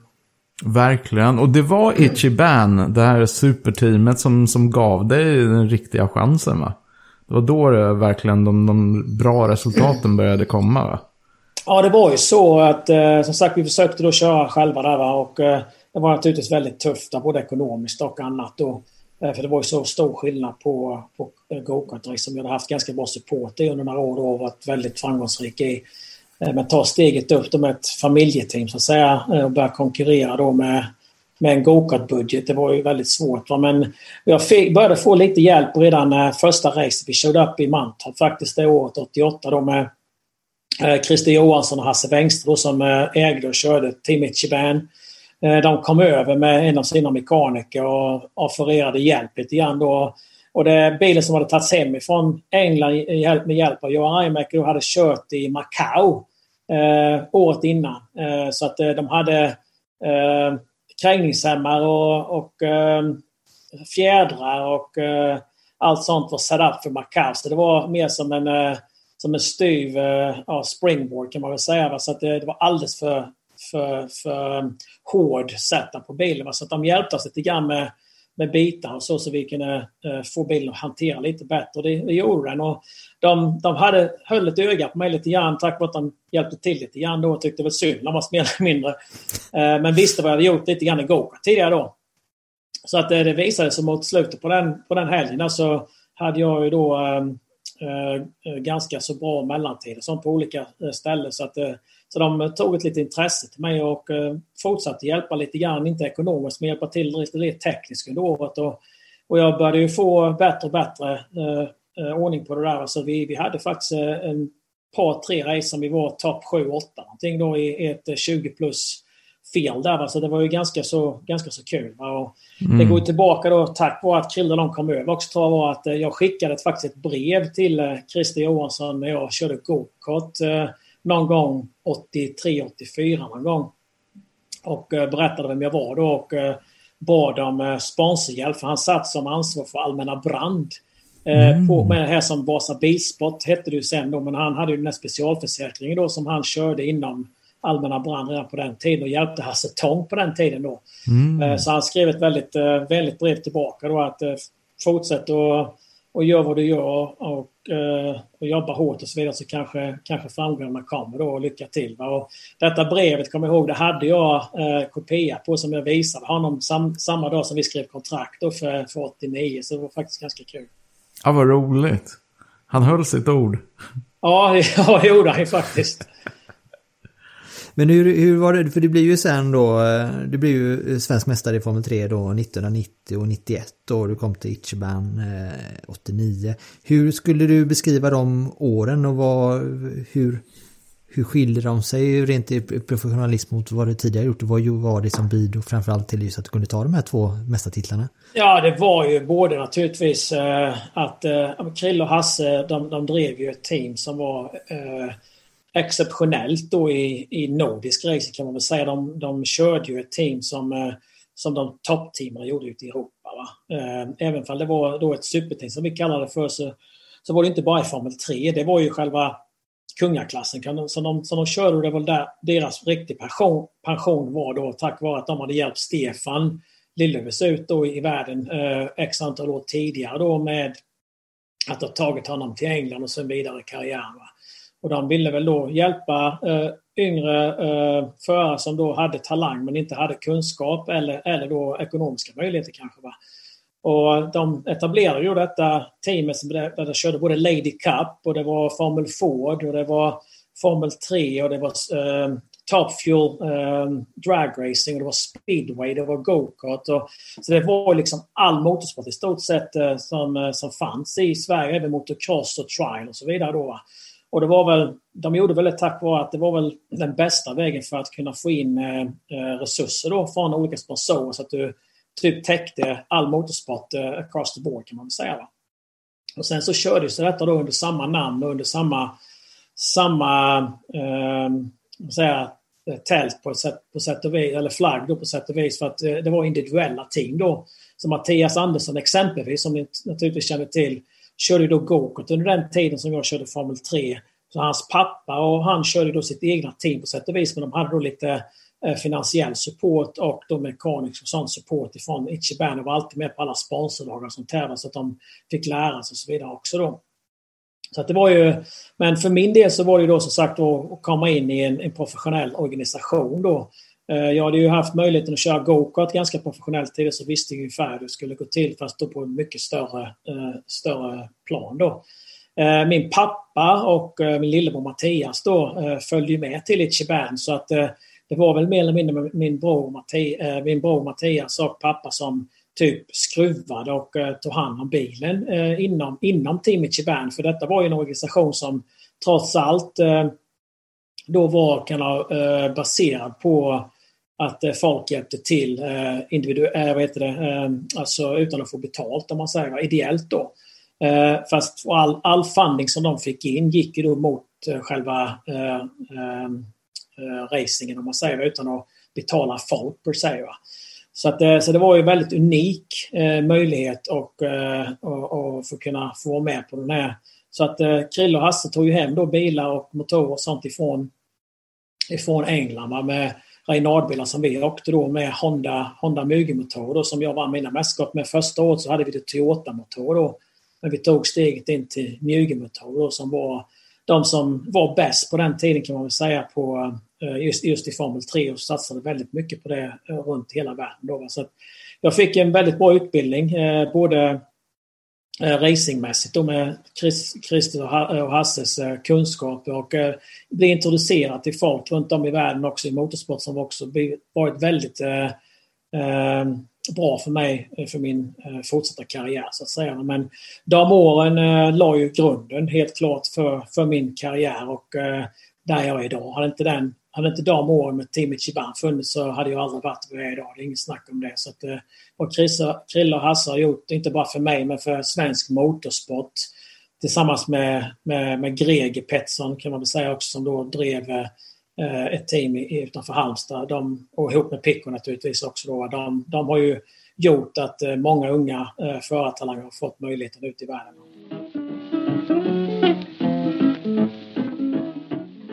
För sen så börjar ju du lite sakta men säkert en liten minisvensk invasion i USA, i amerikansk racing.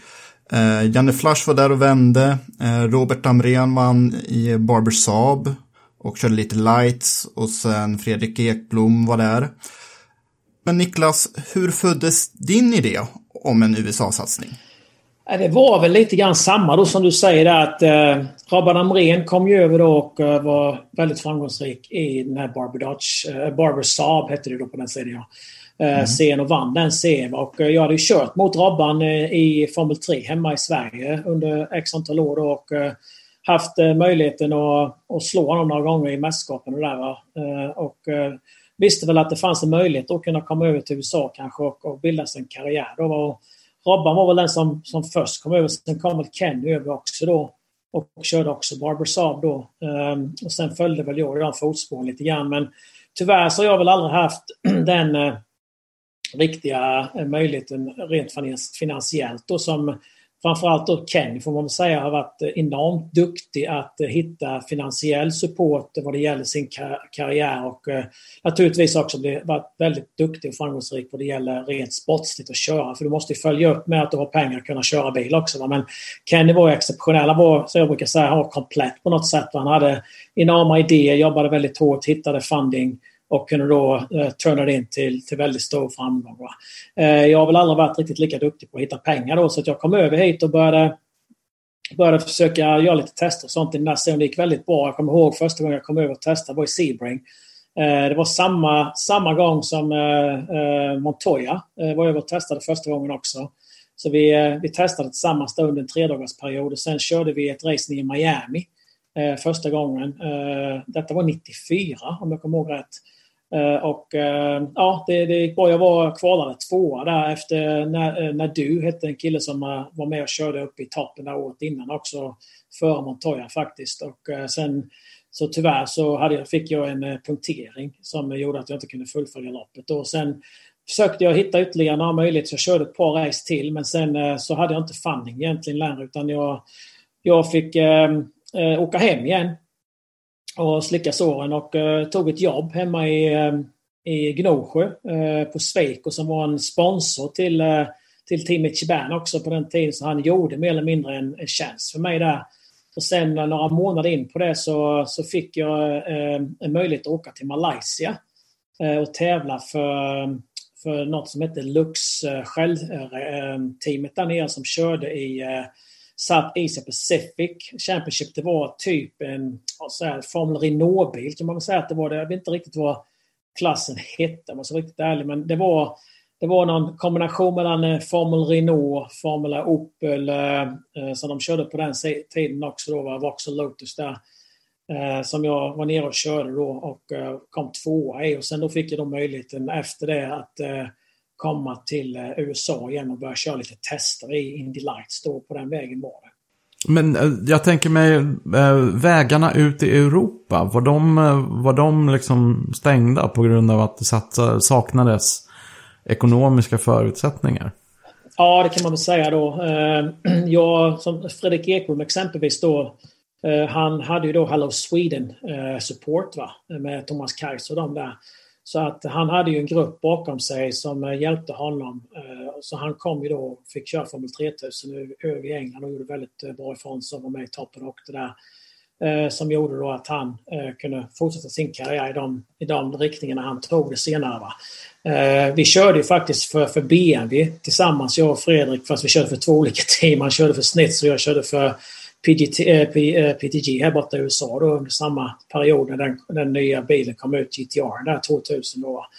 Men eh, annars så var det väl så att eh, det finansiella backningen då eh, gjorde att jag inte kunde fortsätta hela vägen i Europa. Då. Krille och Hasse hjälpte ju till och försökte så mycket de kunde så att de hjälpte mig komma in i Eh, med Reynard lite grann i, i England då, som fick köra eh, Marlboro Masters bland annat med, med Paul Stewart Racing med Jill LaFerrin och David Coulter som mina teammates och så vidare. Och det fanns ju en hel del eh, potential där också. Edenbridge testade vi för lite grann också. Vi var, vi var snabba varje gång vi testade och så vidare. Men det var ju tyvärr så att det, det var tvungen att finnas eh, riktig, riktig backning och sånt också. Va? Så att det, det var, var lite tufft. Då. Men eh, USA var ju lite mer eh, finansiellt eh, eh, manageable kan man väl säga då. Så, så Krille och Hasse hjälpte till för mig att kunna komma över till USA också då och göra det här med Barbie Dutch och detta med en del sponsorer och sånt. Så att, eh, det var väl, var väl den eh, vägen jag tog på grund av det. Plus att eh, min lillebror Mattias också var här borta redan från, från 93 då. Så att det gjorde att det var också kanske lättare att flytta över hit tack vare att han hade redan etablerat eh, ett boende och sånt där borta. Så det var lättare för mig att komma över hit mm. och resa runt lite grann och försöka hitta kontakt och så vidare. Just det. Kan jag säga det för de lyssnare då som inte har, har koll på det då, det är ju att eh, din bror Mattias det som återkommer till, det är alltså eh, chefsmekanik, eller chefsingenjören för Will Power i eh, Penske, eller hur? Ja, det stämmer bra. Han eh, har ju varit med Penske, det blir väl nästan 25 år nu tror jag, eh, Eh, som han har varit med Penske där. Så att eh, han har kört många av, eh, av Penskes förare nu sist då, Will Power. Eh, men många andra, när han först kom över började köra Paul Tracy då. Och sen så var det väl något då med Orlanzo Jr där tror jag. Sen var det ju då Uh, Jill DeFerrin som de hade mycket framgång med. Vann två uh, Car Championships bland annat och Indy 500. Och sen eh, körde han även eh, Sam Hornish när han vann eh, 500 då, och Ryan Brisk och, och sen Will Power. Så han, har, han har kört många av eh, Penskes eh, toppkillar där under, under 20 plus år nu. Stämmer bra. Mm, det är kul att man ska ju faktiskt komma ihåg att Penske är också lite av ett svenskt stall. Det är inte bara Ganassi. Ehm, men eh, du kom ju till start i några Indy Racing League-lopp mot slutet av 90-talet. Eh, hur kom det här äventyret till sig och hade du ens erfarenhet från ovalbanor inför de här loppen? Nej, det hade jag inte. Eh, det var ju så att Indy Racing League eh, etablerades då 96. Det var ju då Tony George och hans familj som, som då ägde mm. Indiana Motor Speedway som idag ägs av Roger Penske. Han köpte ju det förra året eller tidigare år. han etablerade då den här Indy Racing League för han ville ge möjligheten till de som kom ifrån eh, uh, sprint cars. gå tillbaka till eh, grassroot racing kan man säga egentligen. Vill, som tillbaka på den tiden var det ju då typ eh, A.G. Foyt och The Answers och Andrettis. De körde ju Nascar, de körde Indycar, de körde sprint cars. De, de körde allt. Så han hade väl en idé att han ville ge de här killarna som kom upp genom eh, systemet i, i, i Nascar och även i sprint cars och dirt racing då att de skulle kunna få åka Eh, och få en chans i Indy 500 då. Så de startade en konkurrensserie då till eh, Champ Cars som det hette på den tiden. Va? Och eh, etablerade den då med sina egna pengar mer eller mindre. Och det blev ju en, en väldigt framgångsrik kan man säga under x antal år för att Tony George och hans familj fundade i stort sett detta då. Va? Och eh, där fick jag då en möjlighet genom eh, en engineer, Ken Anderson, som också jobbade eh, för Stefan Johansson då när han kom över till Bettenhausen och min lillebror Mattias var där också de första två åren. Så jag lärde känna Ken och han, han, var, han är eh, stötdämparexpert kan man säga. Så att han eh, utvecklade sina egna stötdämpare och anställde mig då som eh, utvecklingsförare på det. Och vi gjorde det under Indy Lights och sen då började det bli väldigt populärt i Indy Racing League också. Så Ken var också den ingenjör som designade den första IRL-bilen då, eh, GeForce. som R. Line like vann första Indy 500 med, med eh, uh, IRL, Indy Racing League. Eh, så på stor, den vägen var det då att eh, jag hade med mig mer eller mindre i, i bakfickan att ett ett chock, chockpaket och en ingenjör då som jag kunde ta med mig som, som, ja, som funding kan man väl säga egentligen till Teams. Jag började köpa runt det då. Hittade ett par team som var intresserade av den här supporten för det var väldigt, väldigt viktigt just med stötdämpare eh, i den serien då för att eh, ovalbanan är 90% setup kan man väl säga och 10% förare nästan. För att eh, du kan inte carry en car som man säger då i, i, i racing terms. Så på en eh, uh, ovalbana är inte bilen setup uh, eh, eh, bra så kan du inte köra fort. Det bara är så enkelt. Va? Du kan inte köra sideways med med en bil för då, då går det i muren eh, fortare än kvickt. Va? Så på den, på den vägen var det att jag fick en möjlighet då att eh, testa i in the Racing League och eh, det gick bra redan från början tack vare att jag då hade som sagt en bra ingenjör med mig som, eh, som hjälpte mig att sätta upp bilen. Så var bra, så, så det, det funkade väldigt bra där eh, när jag började åka. Där. Du kraschade aldrig bilen? Jo, det gjorde jag. Oj.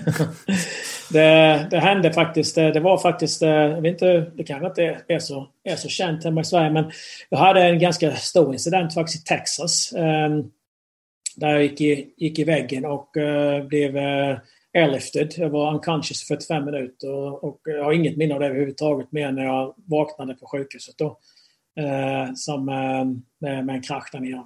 Vad tusan. Var detta på träning eller vad var det? I vilket, ja, det var träning var träning. Ah, okay. var. Det var faktiskt mm. en ganska, ganska konstig incident. Det var inte ens eh, i full speed ute på banan. Det var vad som hände var att eh, jag kom in för ett pitstop eh, på träning. Så jag satte på ner däck, satte på ner däck. Tog, stack ut och halvvägs ner pitlane så, så failade min speed limiter. Så att det blev fullgas. Så bilen helt mm. enkelt bara tog, tack vare att vi åker stagger tires då för folk som inte vet det. På en oval så åker man lite större däck på utsidan för att hjälpa bilen och, styra lite bättre in i böjen då. Och eh, så när du åker bara rakt så, så styr man egentligen till höger lite grann. Ratten har en, eh, vissa graders styrning till, till höger när du åker rakt fram. För när du släpper ratten så, så, går, så styr bilen automatiskt in i böjen för att det inte ska vara så, så hårda instyrningar under väldigt höga hastigheter. Då, för det gör däcken då att de är olika storlekar på, bo, eh, på båda sidor av bilen. Så när jag åkte ner där på, på pit lane, helt plötsligt så, så failade då som sagt var min speed limiter och gick till fullgas. Så bilen stack helt enkelt snabbt till vänster, rätt in i, rätt in i muren på, på, i, i paddocken då och eh, tyvärr så körde jag på en mekaniker också av Buddy Lesears mekaniker så att hans wheelgun var den som flög upp i luften och, och slog rätt i huvudet på mig som gjorde att jag helt enkelt uh, blev unconscious. Herregud vilken ja, story alltså. Ja, precis. Väldigt konstigt. Men uh, så, så var det. Så att det var inte ens full speed utan det var en wheelgun som knocked me out och sen, uh, ja, så, så, så var det. Ja. Mm. Hur gick det för mekanikern?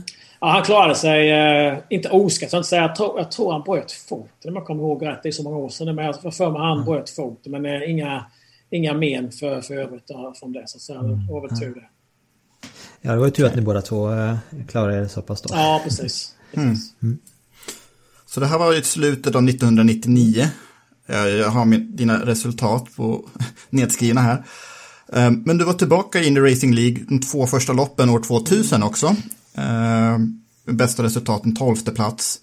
Ehm, men varför blev det inte mer efter det? Eh, det var som så att eh, vi hittade en... Eh, eller jag jobbade tillsammans med, med ett eh, eh, företag eh, från Chicago.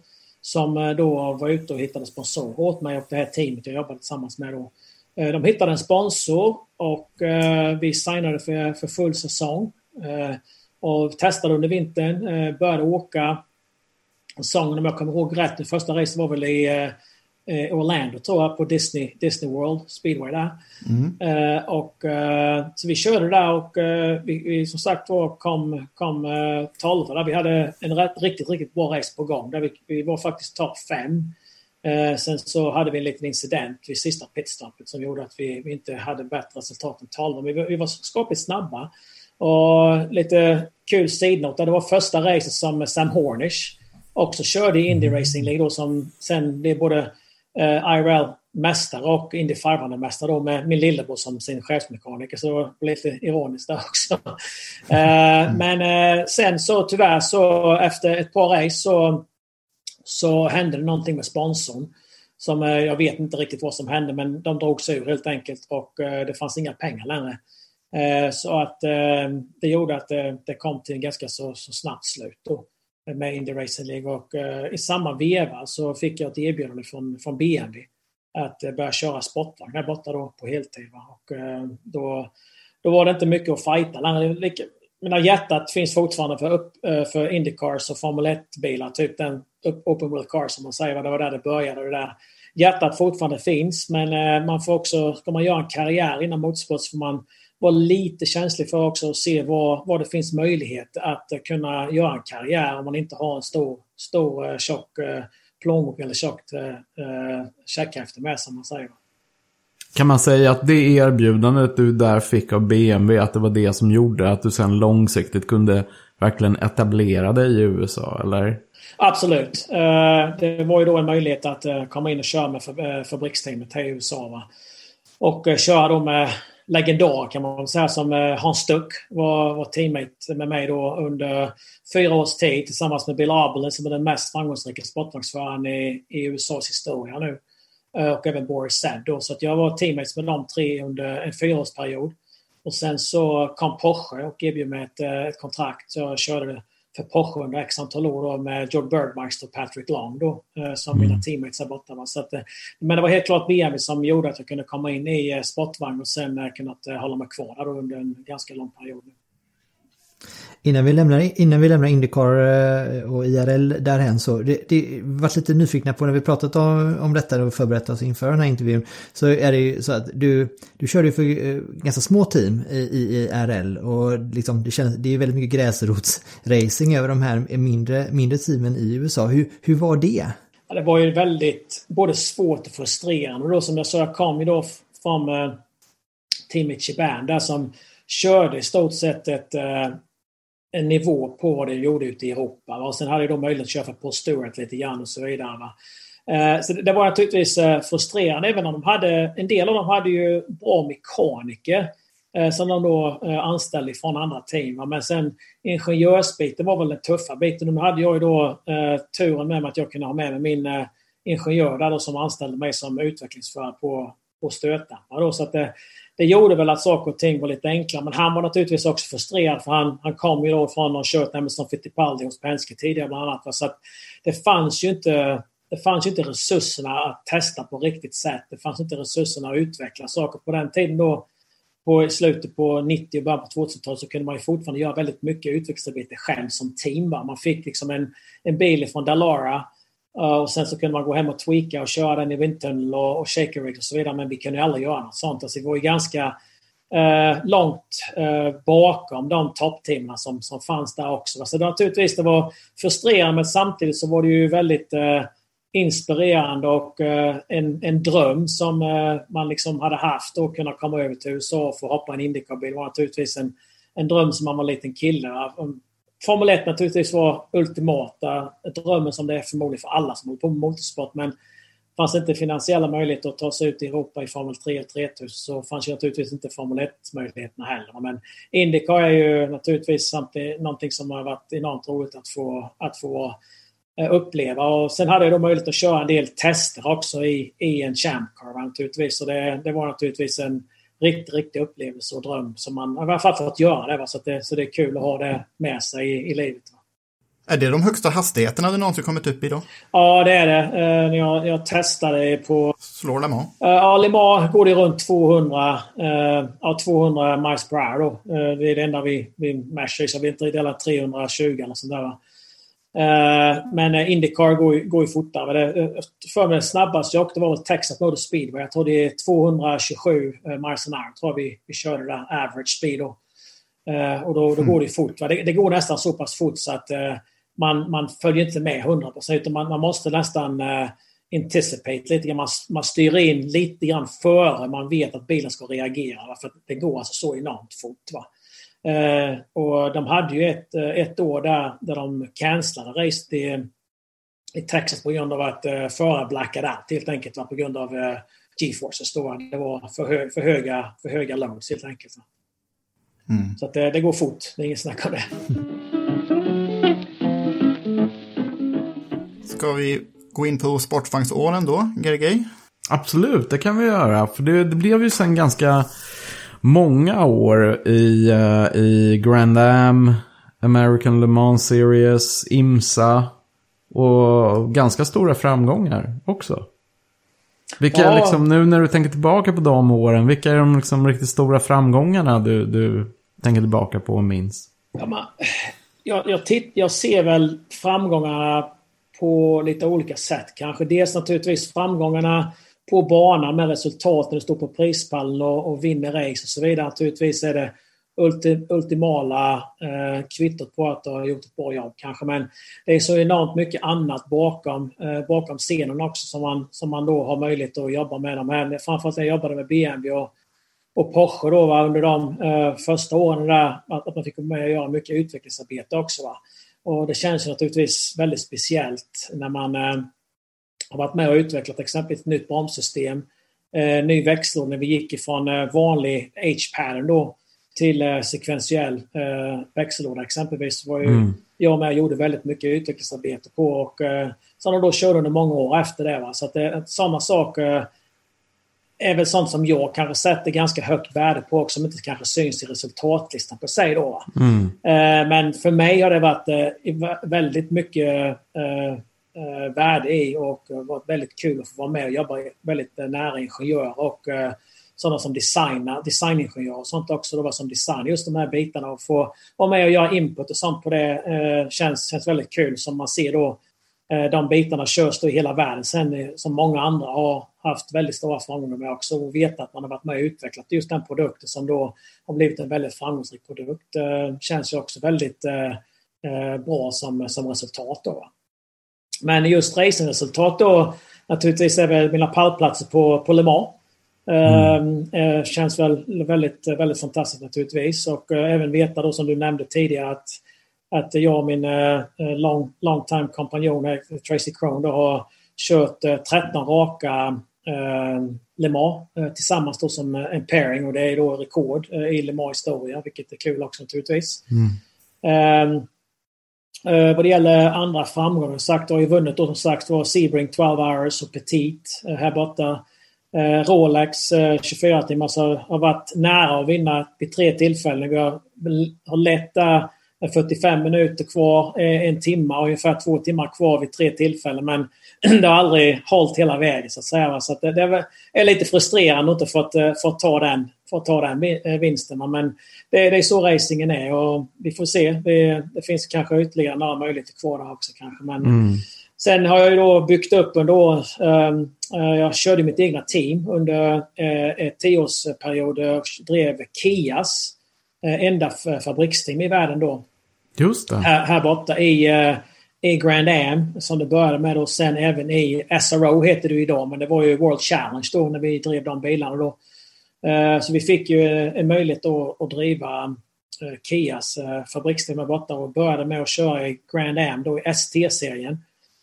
där vi körde i tre år och vann mästerskapet i 2011 då, jag som förare och team. Mm. Eh, vi utvecklade bil helt och hållet från scratch. Vi hade en eh, 10 000 eh, kvadratmeters eh, facilitet här i, utanför Atlanta då, som vi byggde motorer, vi gjorde våra egna differentialer, vi gjorde om växellådor, vi byggde bilarna. Så vi gjorde allting från, från scratch kan man väl säga då. Och, uh, ungefär, lika, li, ungefär likadant som Christian Dahl har gjort med med sitt eh, Volvo-team hemma då har vi gjort med Kia här borta då. Mm. Och haft väldigt mycket framgång med då under en åttaårsperiod eh, som, vi, som vi drev deras bilar. Och det var också naturligtvis en väldigt kul era eh, under de åren att få vara med och både bygga, utveckla och eh, vinna mästerskap för, för, en, eh, för en fabrikant då, som, som Kia då. Va?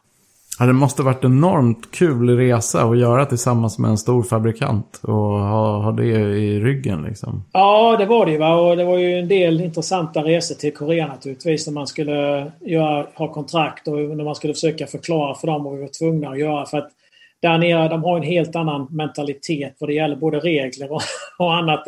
Regelbok existerar liksom inte. När man, ska bygga, när man ska vinna ska man vinna. Det spelar ingen roll vad det finns för regler. Men vi fick försöka förklara det för dem att man måste hålla inom regelverket. Ja, ja. Också. Så det var, det var ganska många intressanta konversationer där med högsta, högsta chefen då, som inte pratade engelska heller. Utan man var tvungna att med sig då sådana... Eh, de kunde medla emellan, så att säga, mellan engelska och, och, och sydkoreanska. Då. Så det, det, var en hel del roliga, roliga episoder där också. Va? Men, eh, men det, det gick som sagt var ganska, ganska bra. Va? Så det, det har varit väldigt, väldigt kul resa för att göra det också. Men har du kvar ditt team fortfarande? Eller finns det någonting kvar av det? Eller är det av nedlagt? Ja, när, när Kia då bestämde sig för att dra sig ut 2016 Eh, så bestämde vi oss för att eh, lägga ner. För att eh, det, vi hade byggt våra team på från början innan Kia kom in då. Vi, vi drev ju teamet i, i, fem år innan Kia kom in då, eller shoppen så att säga. Så vi baserade det på här borta är ju klubbracing väldigt stort då, eller vad ska man säga, som typ Porsche-cupen hemma i Sverige exempelvis. Det finns ju väldigt många sådana olika klasser här borta. Va? Så vi etablerade oss då inom eh, motorsporten som ett eh, customer team. Så vi mm. drev ganska många Porsche, vi drev eh, BMW-bilar, vi drev Audi-bilar, vi drev Ferrari-bilar i olika serier och sånt. Då, va? Eh, och vi byggde då motorer, vi byggde och renoverade växellådor, differential och byggde även om bilar då. Men sen när eh, de här GT4 och GT3-bilar och sånt började komma in med homologerade bilar från manufacturers så var våran, egentligen våran business plan var väl egentligen lite utdaterad. Så vi, det var mm. väldigt svårt att hitta kunder till det längre tack vare att de kunde gå och köpa en bil direkt från en uh, manufacturer då, som var både naturligtvis billigare och mer utvecklad och uh, hade ett mycket bättre system vad det gäller parts eh, supplies och allting sånt. Så, att, så vi avvecklade och la ner det 2016 och uh, istället så startade jag någonting som jag kallar KDE management idag då så att jag eh, jobbar med yngre förare där jag eh, både tränar dem och coachar dem och eh, managerar dem lite grann. Då, och, eller, jag kallar, management är egentligen fel ord. Jag kallar det mer för eh, guidance och advice. Mm. Då. Så att jag har ett eh, komplett eh, eh förarutvecklingsprogram då jag tränar dem både fysiskt, mentalt, gör nutrition och sen då eh, basic engineering. Och eh, då sätter jag upp en 3 till 5 årsplan åt dem där jag sätt ihop en sportslig eh, eh, stege från gokart. Mm. Om du vill åka Indycar, om du vill åka Nascar, om du vill åka Formel 1 så är det olika paths naturligtvis att ta. Va?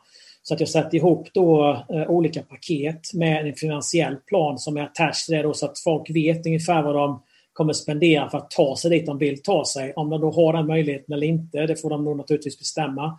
Och mm. sen så hjälper jag dem med de kontakter jag har i världen idag, både manufacturer team, så jag jobbar med toppteam både i Europa, Asien och USA. Det gäller både formelbilsklasser och då sportvagnsklasser. Så, att säga. så att det, det, är någonting jag har sysslat med de sista fem åren då med ganska stor framgång. Så jag har en, fem förare som jag jobbar med väldigt aktivt eh, eh, varje, varje vecka då, på alla de här bitarna. Vilka adepter är detta? Är det några du kan, eh, som du känner har större potential än andra? Någon som kanske med allra största sannolikhet kommer vi få höra av i framtiden? Kan du? Ja, jag har några, jag har några stycken. Då, I Nascar framförallt har jag jobbat med killar nu i, i fem år. Um, uh, en kille som uh, körde Cup i år för första, första gången, Cole Custer. Han kör för Haas-teamet. Uh, och sen uh, Chase Briscoe som kom tvåa i år i uh, Xfinity och ska nu move up till, uh, till Cup nästa år. Så att för svenskar som inte vet vad det är så är basically Cup är alltså Formel 1 av Nascar kan man säga. Det är högsta klassen då. Så att jag har två adepter som jag jobbar med där som kommer ha väldigt stor framgång i framtiden helt klart. Och sen i sportbanksbiten då så har jag en yngre tjej som kör i SRO och uh, vunnit uh, både tävlingar och uh, gått tvåa i mästerskapet i år. Som ska köra Creventic-serien ute i världen. Det är en endurance-serie som går mestadels i Europa. Men även ett race i USA då, som ska köra full säsong där i GT4 i år. Då. Uh, och sen har jag uh, en ny uh, kille som Brian Morris som vann allt i gokart i år, både K100 och X, X30 här borta då, så han dominerade i karting i 16 år. Och eh, ska nu transferera över in till car racing till nästa år. Så vi har börjat ett testprogram här under de sista två månaderna som jag jobbar ganska intensivt med. Så att, eh, det är ett par ganska väldigt intressanta adepter som jag, som jag jobbar fysiskt med nu. Du, när du pratar om den ingenjörbiten här nu eh, Eh, och i kombination med din, eh, din karriär som, som förare så känns det som att du är väldigt mångsidig. Vad skulle du säga är dina största styrkor som förare själv som du delar med dig av till dina, till dina adepter? Det är väl just då den, vad jag anser som för att bli en duktig racerförare så måste du även kunna eh, vehicle dynamics då, kunna den mekaniska biten av en bil. Det var väl någonting jag då fick lära mig från väldigt tidig ålder. Tack vare att pappa var mekaniker så fick jag hjälpa till att skruva på gokartbilarna då. Men sen Krille och Hasse var också väldigt stora på att vi skulle alltid, även om vi inte kanske skruvade så mycket, så skulle vi alltid spendera mycket tid runt bilen. Eh, skulle hjälpa till att putsa alla saker och ting rent och veta och titta om det fanns några fel och sånt på bilen. Och sånt tror jag är väldigt, väldigt lärorikt och det är någonting som jag har tagit med mig. Och jag ser det idag att eh, det är väldigt få förare, även professionella förare, som egentligen har en stor kunskap vad det gäller tekniskt då, och de har väldigt eh, stor, stora problem att ge bra feedback tillbaka till sin ingenjör då. Så det är en sak som jag gör med mina förare. Jag har utveck, eh, utvecklat ett, ett basic ingenjörsprogram, då, engineeringprogram som jag eh, lär dem basic eh, hur en stötdämpare fungerar med, med rebound och, och bump då, eller compression och eh, rebound. Och även en differential då, hur en differential fungerar vad det gäller understyrt eller överstyrt. Eh, vad, vad de olika inställningarna helt enkelt på en bil kan göra då så att de har det som en varje fall en bas och sen kan han förstå vad som gäller och sker när, när bilen gör olika saker på, på banan. Va?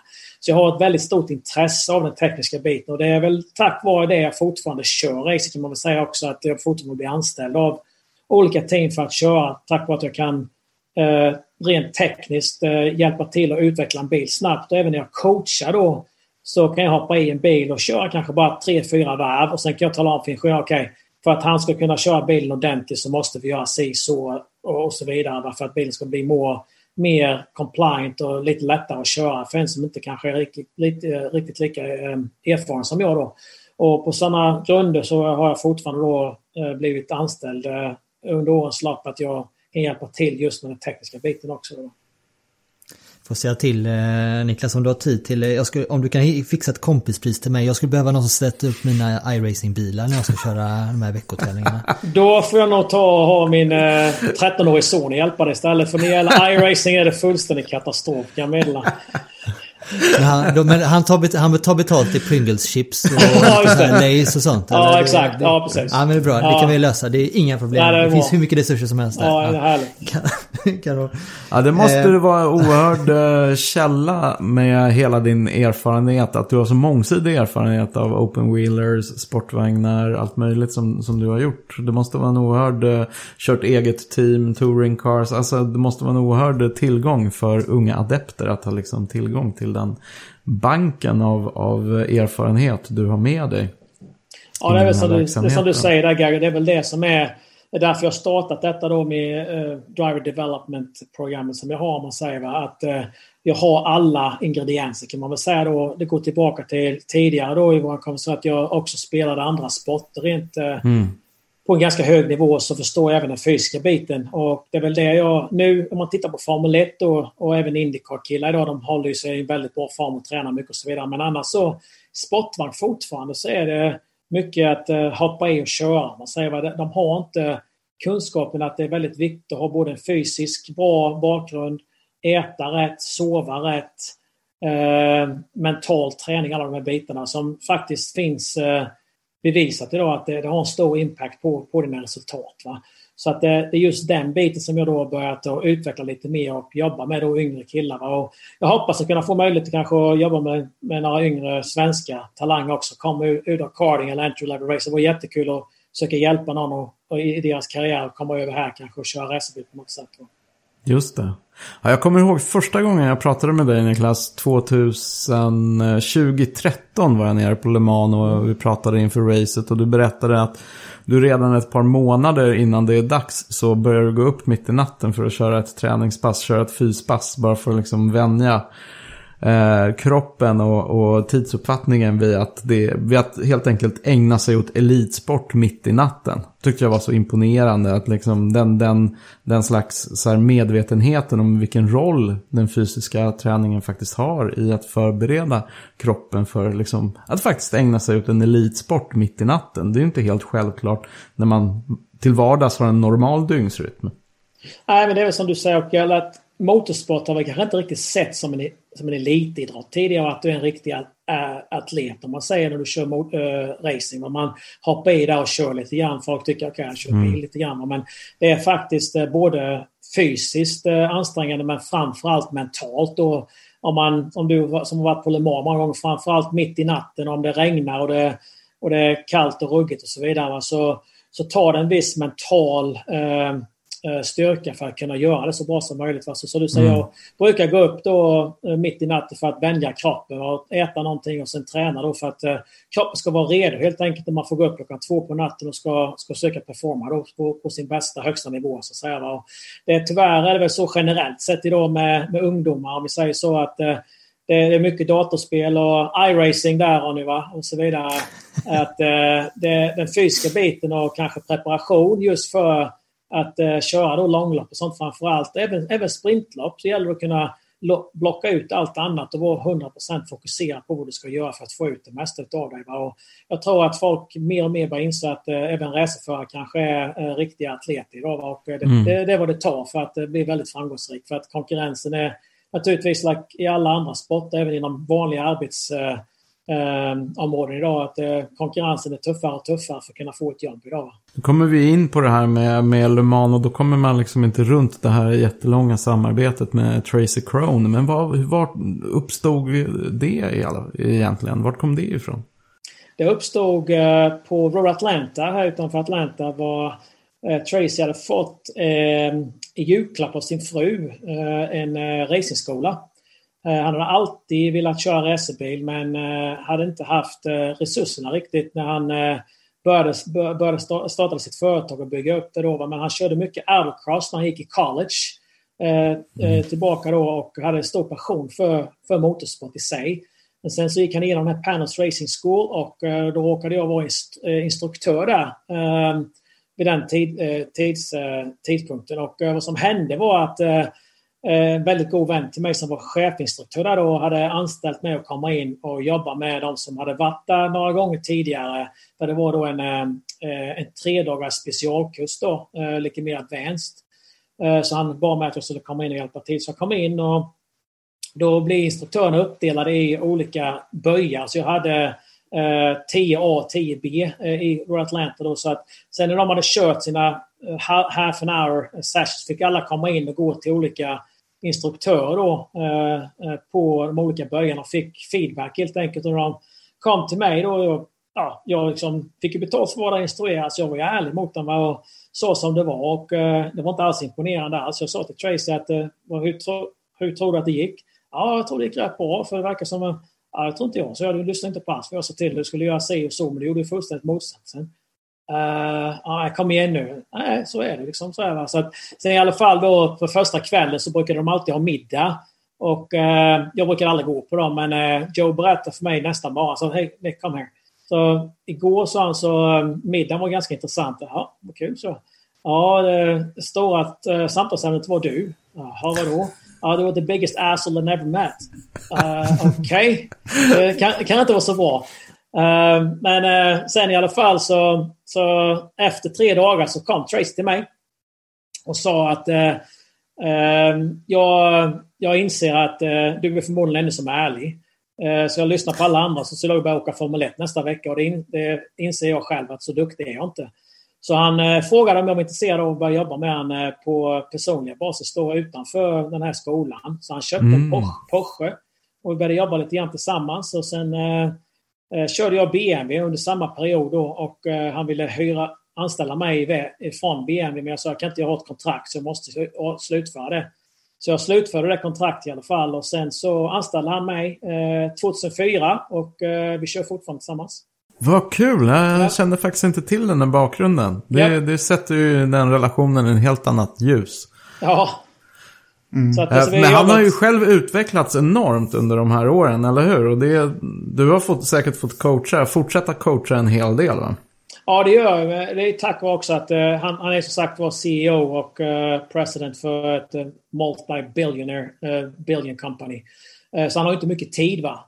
Så att det är alldeles för långa perioder emellan han är en racerbil egentligen. Så att det gör ju att man startar nästan från samma, samma position varje gång man börjar, börjar köra igen. Va? Så att han har inte tid helt enkelt att testa mycket. Så att vi mm. coachar väldigt mycket fortfarande. Vi gör en del, del go-kart-grejer under, under vinterhalvåret. Och, och i år tyvärr har vi inte kunnat tävla någonting på grund av den här epidemin då som vi har haft. Annars hade vi kört full säsong i Tyskland i um, Nürburgring. I år var meningen men uh, tack vare reserestriktioner har vi inte kunnat göra det. Så vi ska faktiskt åka och testa nästa vecka nu här i, uh, i North Carolina igen. Va? För att uh, försöka komma igång till nästa år igen förhoppningsvis. Men ni tog, ju, mm. ni tog ju tre pallplatser i GT, olika GT-klasser i Le Mans 2007, 2009 och 2012. Och det är ju, det är ju en väldigt fin bedrift med en uh, gentlemannaförare som Tracy i bilen. Och det ingår väl i reglerna också att man ska ha en, en uh, gentlemannaförare i bilen, visst är det så? Ja, faktiskt 2007 och 2009 så var det ju faktiskt inte Airman. Då var det, fort, då var det fortfarande bara en GT2-klass. Det var det? Okay. Ja, det var det. 2010 mm. när de startade IGTC, som är Intercontinental uh, GT Series. Då började de köra Pro-Am också. Va? Men mm. de två första pallplatserna vi tog där var i, i, i den öppna GT2-klassen. Så det gör ju att det även Eh, en, en, större prestation egentligen än, än med Pro-Am. Så att det, det, var väldigt kul. Och den, den, största, största möjligheten hade vi väl egentligen 2006 när vi körde första året i en Porsche. Då. Eh, vi ledde med fyra varv och eh, tyvärr så vår teamkompis då var, hade en liten incident i slutet på Molsan med lite bromsproblem som gjorde att vi fick bryta racet. Tyvärr, vi ledde som sagt med fyra varv det, det mm. året och vi hade bara kunde bara tagit oss hem under ganska lugna förhållanden. Men eh, det vi hade lite, lite andra saker som hände. Alltså tyvärr så blev det aldrig av. Men, men annars så, som sagt var de resultaten naturligtvis är någonting man blickar tillbaka på med, med ganska, ganska stora eh, eh, roliga minnen. Mm. Och under de här sportvagnsåren, när man tittar på listan över bilar du kör så är det idel drömbilar. De här BMW-bilarna med speciella V8, eh, Lamborghini, Murcielago en säsong och en herrans massa sportvagnsprototyper. Finns det någon bil som du tycker är bäst av de här? Som har varit roligast att utveckla och tävla med och skördas mest framgångar med? Mm. Om vi tittar rent på utvecklingsmässigt då så har vi gjort mest utvecklingsarbete då under Porsche-åren. Men eh, annars så tittar man i, på, om vi tittar på GT först då, det är ju stor skillnad på en GT-bil och en prototyp naturligtvis. Men den bilen som du just nämnde där då, den eh, BMW GTR eh, då med V8-motorn i. Eh, alla var väl väldigt, väldigt fokuserade just på att det var en V8 i då. Det var naturligtvis mm. en enormt väldigt detuned och fantastisk motor med ett enormt powerband att köra. Men den egentliga styrkan med den bilen var chassit. Eh, helt enorm bil. Och jag, jag har sagt hela vägen upp till och med förra året så tror jag att det är den bästa GT-bil jag någonsin kört. Och det inkluderade mm. Ferrari 430, 458, 488 eh, och massa andra Porsche och så vidare emellan också. Va? Och Lamborghinis. Men sen när jag fick köra den nya eh, Porschen förra året och den med midmotorn i. Det, det var väl det, det första gången som jag kan säga att wow, detta är mer som nästan en prototyp än en GT-bil. Men annars den BMWn från 2000 upp till förra året eh, har nog varit den bil som har varit bäst både under bromsning, under cornering och rent eh, från en ren respons till en förare var en helt fantastisk bil. För bilen byggdes ju eh, som racerbil först innan den, innan den började säljas som, eh, som produktionsbil. Då.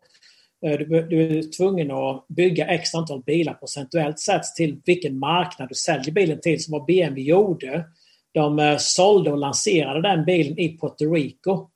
För att behöva bygga så få bilar som möjligt för att kunna klassificera den som racerbil. Då. Så bilen var faktiskt byggd som racerbil först innan den byggdes som eh, produktionsbil. Då. Så därför, det var väl därför bilen var så enormt bra. För vi, vi slog ju allt som bara... Vi, vi slog ju Corvette GT1-bilar med den GT2-bilen till och med. Jag kommer ihåg första gången vi tog bilen till, till ett race var i Sonoma. Vi utkvalificerade Porsche-bilar med fyra sekunder. Och vi var, vi var över en halv sekund snabbare än Corvettes GT1-bilar. Så det, så det var helt enorm bil. Va? Men sen som sagt var GT-bilen, den nya Porsche midmotorn är en helt fantastisk GT-bil. Och sen prototypbilarna som jag har haft möjlighet att köra naturligtvis är en helt annan, helt annan ja, det går inte att jämföra. Utan LMP2-bilarna som jag kört de senare åren då är en Indycar med, med, med tak på helt enkelt. Det, det är samma, samma teknologi, eh, samma tänk, eh, allting. Och i stort sett samma speed också. Hade bilen varit lite lättare så hade den förmodligen gått lika fort som en Indycar-bil också vad det gäller för du har kolfiberbromsar, du har alla traction control-system du kan bara tänka dig och du har liksom aerodynamics eh, som är väldigt, väldigt eh, avancerad. Eh, så, så LMP2-bilar är en, en Indycar med, med, med, med tak på helt enkelt. Så det är naturligtvis varit också enormt kul att få, få köra de bilarna. Men om vi tittar lite i framtiden då. Det här nya hypercar-reglementet som kommer ersätta LMP1. Tror du på det? Kommer det hjälpa sportvagnsracing på bägge sidor Atlanten? Ja, personligen så tycker jag väl att man skulle ha adopterat då DPI, den här Daytona Prototype som, eh, som finns i USA. För det, fabrikerna står bakom det. Eh, det har varit en väldigt framgångsrik eh, koncept utan att eh, spendera allt för mycket pengar. Naturligtvis är det dyrt, men om du tittar på vad hyperkonceptet hyper, eh, eh kommer att kosta, det kommer ju vara enormt mycket mer pengar. Och, eh, men det, det kommer ju som som alltid FIA då är de som kontrollerar allting. Va? Och, eh, det, det, har ju med, det har med pengar att göra till slut. Va? Det är så tyvärr, motorsporten är pengar, pengadriven och eh, FIA bestämmer vad, vad de tycker eh, passar och funkar bäst för dem rent ekonomiskt. Och det gäller både eh, reglement och annat. Va? Så att hyperkonceptet kommer säkert fungera men jag tror inte du kommer se det, det samma car count som du hade sett om du hade tagit eh, DPI som eh, huvudklassen istället. Eh, jag tror du kommer se att eh, GTLM, då, den stora GT, GT2-klassen, kommer förmodligen inom något år eller några eh, göra samma som DTM har gjort nu. De kommer gå till en GT3-klass, tror jag, en homologerad klass så. För att kunna hålla kostnaderna nere. Mm. Det, det, blir helt enkelt för dyrt. Om man tittar här i USA, då Porsche drar sig ur för nästa år i GTLM. BMW har väl inte bestämt 100% men det ser ut som att de ska bara köra den långa endurance-serien, då fyra race istället för hela serien. Och allt detta baseras ju på att det kostar för mycket pengar helt enkelt. Va? Mm. Mm. Så att jag tror att man ska försöka fokusera mer på att gå med en mer generic plattform som GT3 då kommer då köra, de bilarna kommer då bli DTM nästa år. Mm. Och DTM är ju på grund av också att det har börjat kosta för mycket pengar. Eh, även fabrikanter. Då kan inte spendera de pengarna längre. Va? Så att, eh, jag tror att eh, du kommer se mer och mer eh, eh, att du kommer ha mer homologerade plattformar som alla måste rätta sig efter på, på ett annat sätt än alla de här hyper... De har ju även försökt med det här eh, hydrogen-konceptet eh, som de har provat. Va? Och, Visst, eh, teknologin är väl jättebra att de försöker utveckla mer teknologi för gatbilar och sånt. Men det kommer ju trots allt till, till, på, till, till slut så kommer det till vad, vad kommer det kosta för, för vad vi kommer få utav dem. Man säger, Och då tror jag att de här eh, GT3-plattformarna, GT4-plattformarna kommer vara mer, mer eh, eh, viable för rent ekonomiskt för folk att kunna ha råd att fortsätta köra. Säger man. Det, det är så. Mm. Du, du, från, från, du som har varit inblandad i industrin så länge och på så många olika sätt. Jobbat nära industrin så länge. Vad, vad, vad tror du hela den här elektrifieringsprocessen eh, som pågår av bilindustrin. Vad, vad tror du den kommer betyda för motorsport i stort? Ja, jag menar, det är väl ingen hemlig. Alla alla är naturligtvis eh, väldigt måna om vår natur och att vi måste titta på olika vägar för att försöka få ner eh, emission numbers och så vidare. Men vad det gäller motorsporten, det är en så pass liten footprint som, eh, som vi spyr ut trots allt. Och folk pratar inte om de stora problemen som datorer är de största, den största boven i dramat egentligen idag om du tittar på det. Men vad det gäller motorsporten så visst, jag tror väl att eh, elektrifieringen kommer naturligtvis ha större och större impact på ett eller annat sätt. Jag tror det kommer ta en väldigt, väldigt lång tid innan vi kommer se alla eh, de eh, normala motorerna eh, försvinna. För att det är trots allt det motorsport är och det, är där vi fortsätter att, att, att utveckla olika, olika ehm, eh, program fortfarande. Även om du ser Formula E och du har hybrids, men även nu inom DPI här borta då, de kommer gå med en third ehm, party supply då så kommer det vara en minihybrid eh, som då kommer bara eh, ladda så mycket. Man säger. Så att just det här att det kommer hända så fort som alla tror och tänker och, och tror inte kommer göra det. Jag tror att du kommer fortfarande se inom motorsport att vi kommer ha, eh, vi kommer ha vanliga, vanliga eh, motorer med fossilbränsle i många år framöver. Det tror jag faktiskt. Kommer vi få se Niklas Jönsson i Le Mans de kommande åren, tror du?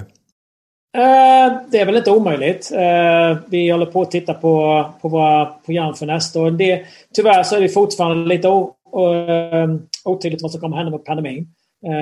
Och vi håller på sagt att sätta ihop våra schedules för nästa år nu. Men det finns helt klart i, i planerna att titta på Le Mans för nästa år igen.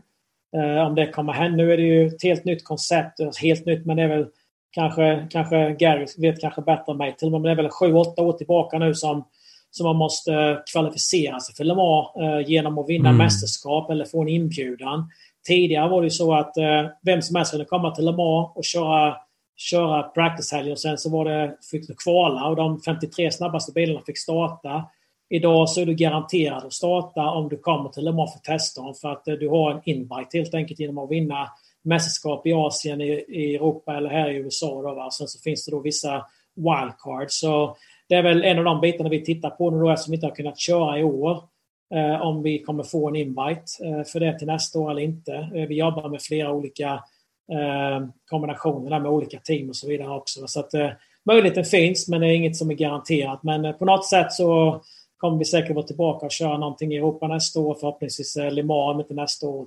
Men där har väl eh, arrangörerna i Frankrike ofta haft ett ganska gott öga till eh, Crone och Crone Racing. Och Ja, absolut. Bjudit in er, eller hur? Absolut. Så... Ja, så, så, som du sa, vi har trots allt, trots allt tre eh, podiumfinishes där och haft eh, mm. väldigt eh, stronga performances. Även om inte vi har kanske varit på pallen då eh, flera gånger, men vi har varit, väldigt, varit med och kört i toppen om man säger. Och sen har saker och ting hänt. Va? Så att, eh, det, vi hade en inbjudan i år, hade vi också, men eh, tyvärr så kunde vi inte resa på grund av de här olika Uh, pandemierna. Då. Så att, men uh, det, möjligheten finns helt klart. Uh, så vi får se vad som, vad som händer. Men förhoppningsvis så får alla vara friska och krya och pandemin försvinner så vi kan gå tillbaka till någorlunda normal eh, racing igen under, under 2021. Mm. Men du, för att avrunda detta jättetrevliga samtal. Hur mycket följer du The Swedish Invasion? Hur mycket följer du hur det går för killarna i de olika klasserna? Jag följer naturligtvis Indycar en del tack vare brorsan är ju där naturligtvis. Va? Så, att, så det blir att han och jag snackas vid en hel del. Och självklart så... Jag känner ju inte Marcus direkt. Jag har, inte, jag, jag, jag har ju träffat hans eh, lillebror lillebror, hans pappa en del i England då. För jag har haft en del yngre killar som jag har haft och kört över i England de sista åren. Så att de har jag träffat lite grann. Men Marcus känner jag egentligen inte överhuvudtaget. Men eh, Rosenqvist har jag ju träffat en del här borta då när han körde lite Indy Lights då för ett par år sedan. Och, och sådär på lite olika ställen. Jag ska inte säga att jag känner honom väl, men vi, vi vet om varandra. Mm. träffats några gånger i alla fall. Så att, självklart så följer man det och tycker det är skitkul när det går bra för dem. För att det gör ju också att det blir mer, eh, lite mer umf bakom svensk motorsport hemma och kanske inspiration för att kunna komma ut i världen. Och, så det är kul. Och sen Linus naturligtvis har det gått väldigt bra för uh, här borta. Va? Och uh, han har väl väldigt stora förhoppningar inför nästa säsong i Indy Lights naturligtvis. Och sen, uh, nu har inte jag pratat med Mattis själv, men jag känner naturligtvis Mattias Andersson sedan många år. Men hans, hans, lilla, hans son var ju borta och körde Formel 4 det sista, sista racet nere i Kota och hade väl en pallplats där vad jag förstår vad jag såg på, på Facebook. Så, vidare. så att mm. jag förmodar att de tittar också på en möjlighet att komma över hit till USA mm. och börja tävla. Och och eh, det var ju kul att se honom komma här och köra Formel 4 och sen kanske advance upp i Formel 3 och Indy Lights och sen se vad, se vad det eh, bär hän så att säga. Men eh, mm. det är självklart kul att se. Jag följer ju gokart en del också nu då genom att jag börjat jobba med gokart-killar. Så att, det var kul att få börja jobba med, med någon eller ett par yngre gokart-killar också och se om man kunde mm. hjälpa dem in i entry level racing. Jag har haft några snack med Jocke Ward bland annat eh, senaste åren. Så han kör ju ett väldigt framgångsrikt go-kart-team ute i Europa. Och, eh, Eh, nu har jag inte snackat med Jocke på ett, eh, på ett bra tag men jag tänkte försöka ta kontakt med honom under vintern igen och se om det finns några möjligheter att börja jobba på något sätt tillsammans. Så att, eh, så att, men det var som sagt var skitkul tack vare att jag har ett ganska bra program som har haft mycket framgång då med, med amerikanska killar borta. Det vore kul att kunna på något sätt se om man kan hjälpa någon svensk också på, på vägen så att säga. Apropå det, du nämnde det också, det här med, med Linus stora framgångar. Och från vårt europeiska svenska perspektiv så har den säsongen han har gjort, i debutsäsongen i USA, ju sett helt fenomenal ut. Men alltså, du som har så många så förankringar i amerikansk racing, eh, snackar man om liksom det Linus gjorde? Eller förstår du vad jag menar? Ja, är, det, är, är det liksom... Är det någonting som, som folk höjer på ögonen åt även i amerikansk racing? Ja, med, han, med, hans, eh, med hans record i år naturligtvis så blir det lite speciellt. Han vann väl 8 av 10 race eller sådana tror jag. Mm. Eh, så att det är lite speciellt naturligtvis. Men annars så är väl den scenen han körde FA där, det är också då en utbrytarserie. Likadant som IRL egentligen var då eh, med mm. Champ Car. Det är ju, Honda har ju nu steppat in då i den här serien. De har funnits i fyra år tror jag fyra eller fem år kanske de kör Formel 4 började det med och sen så började de då köra Formel 3 eh, för två år sedan. Och det är ju då Onroke, eh, de som bygger eh, Legiers P3 och P2-bilar också, som då bygger de här Formel 4 och Formel 3-bilarna här borta då.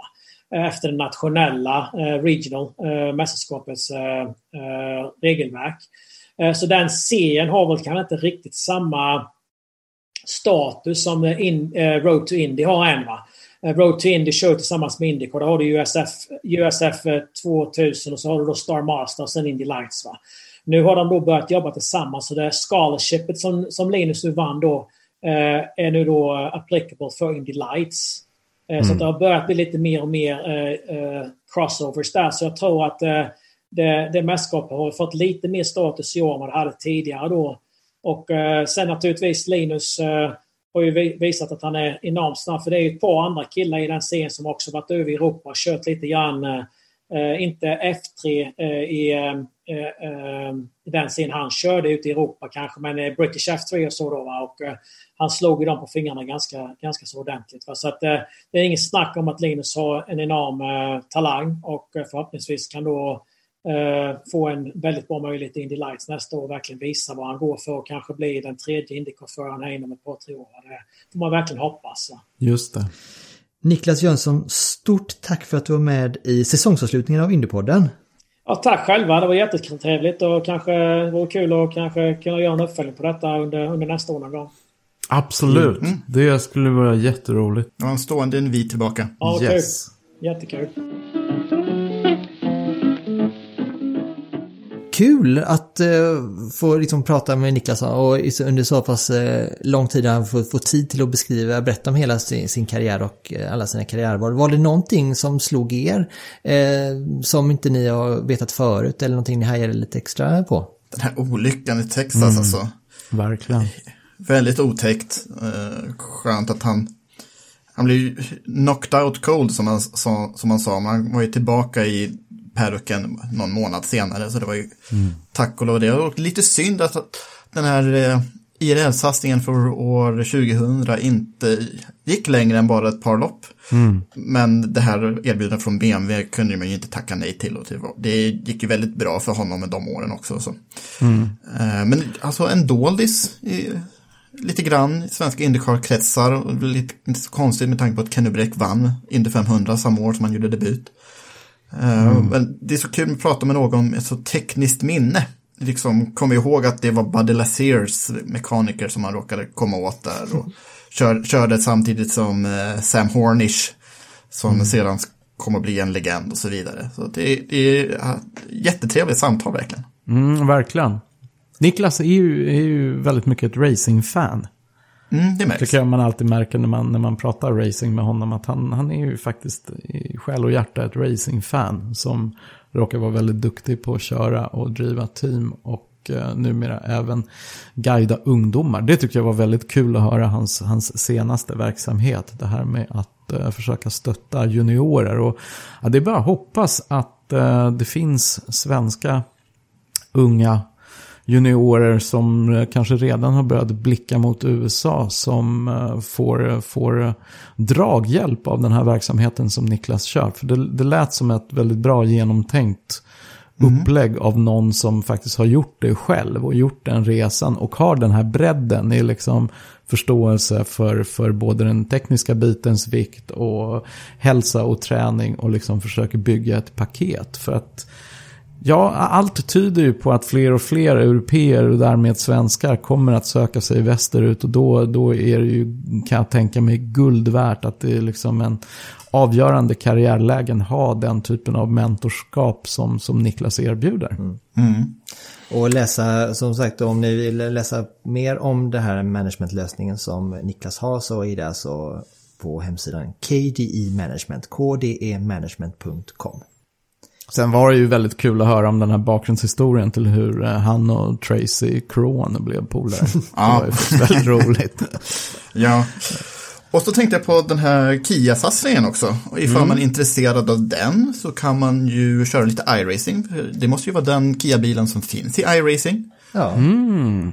Det är ganska hästkraftstinn, framhjulsdriven touring car. Några år på nacken nu, men den var rätt häftig när den kom dit för några år sedan. Så ifall man vill prova på den så finns den där till exempel. Så.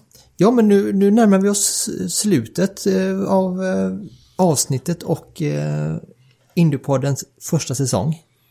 Ja. Var Vilket år det varit. otroligt och, och har så mycket, mycket roliga minnen nu från, från i år. Det var ju faktiskt säsongen som inte, som nästan inte blev av helt enkelt. Och så Mm. sitter vi här Mm. 54 avsnitt senare och har eh, med stor tillförsikt eh, mot 2021.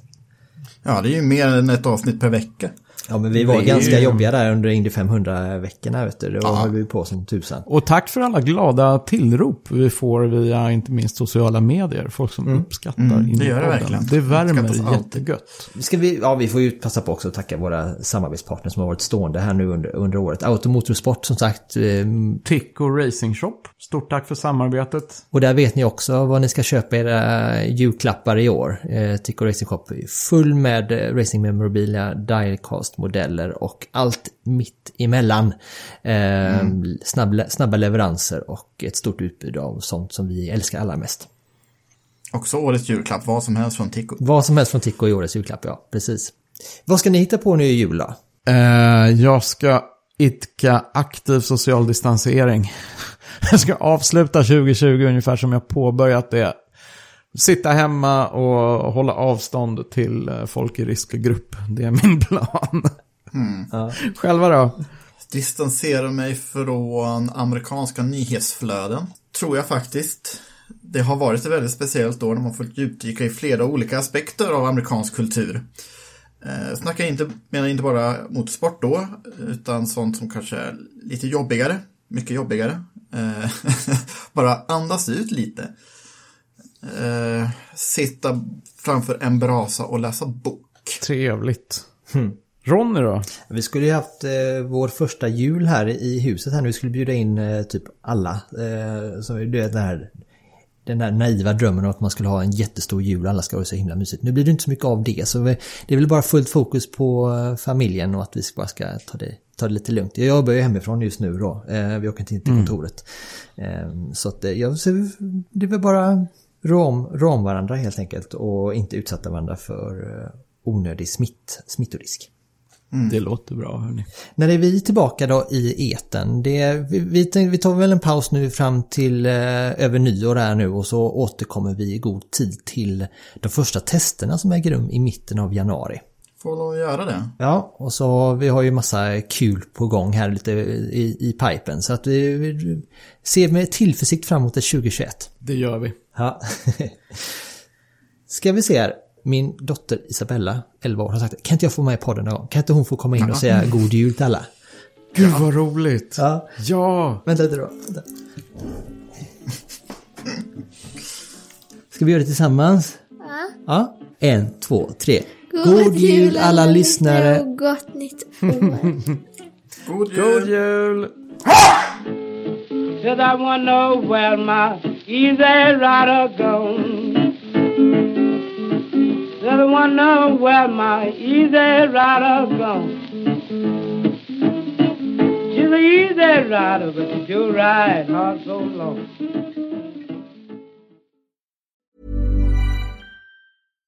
Here's a cool fact a crocodile can't stick out its tongue.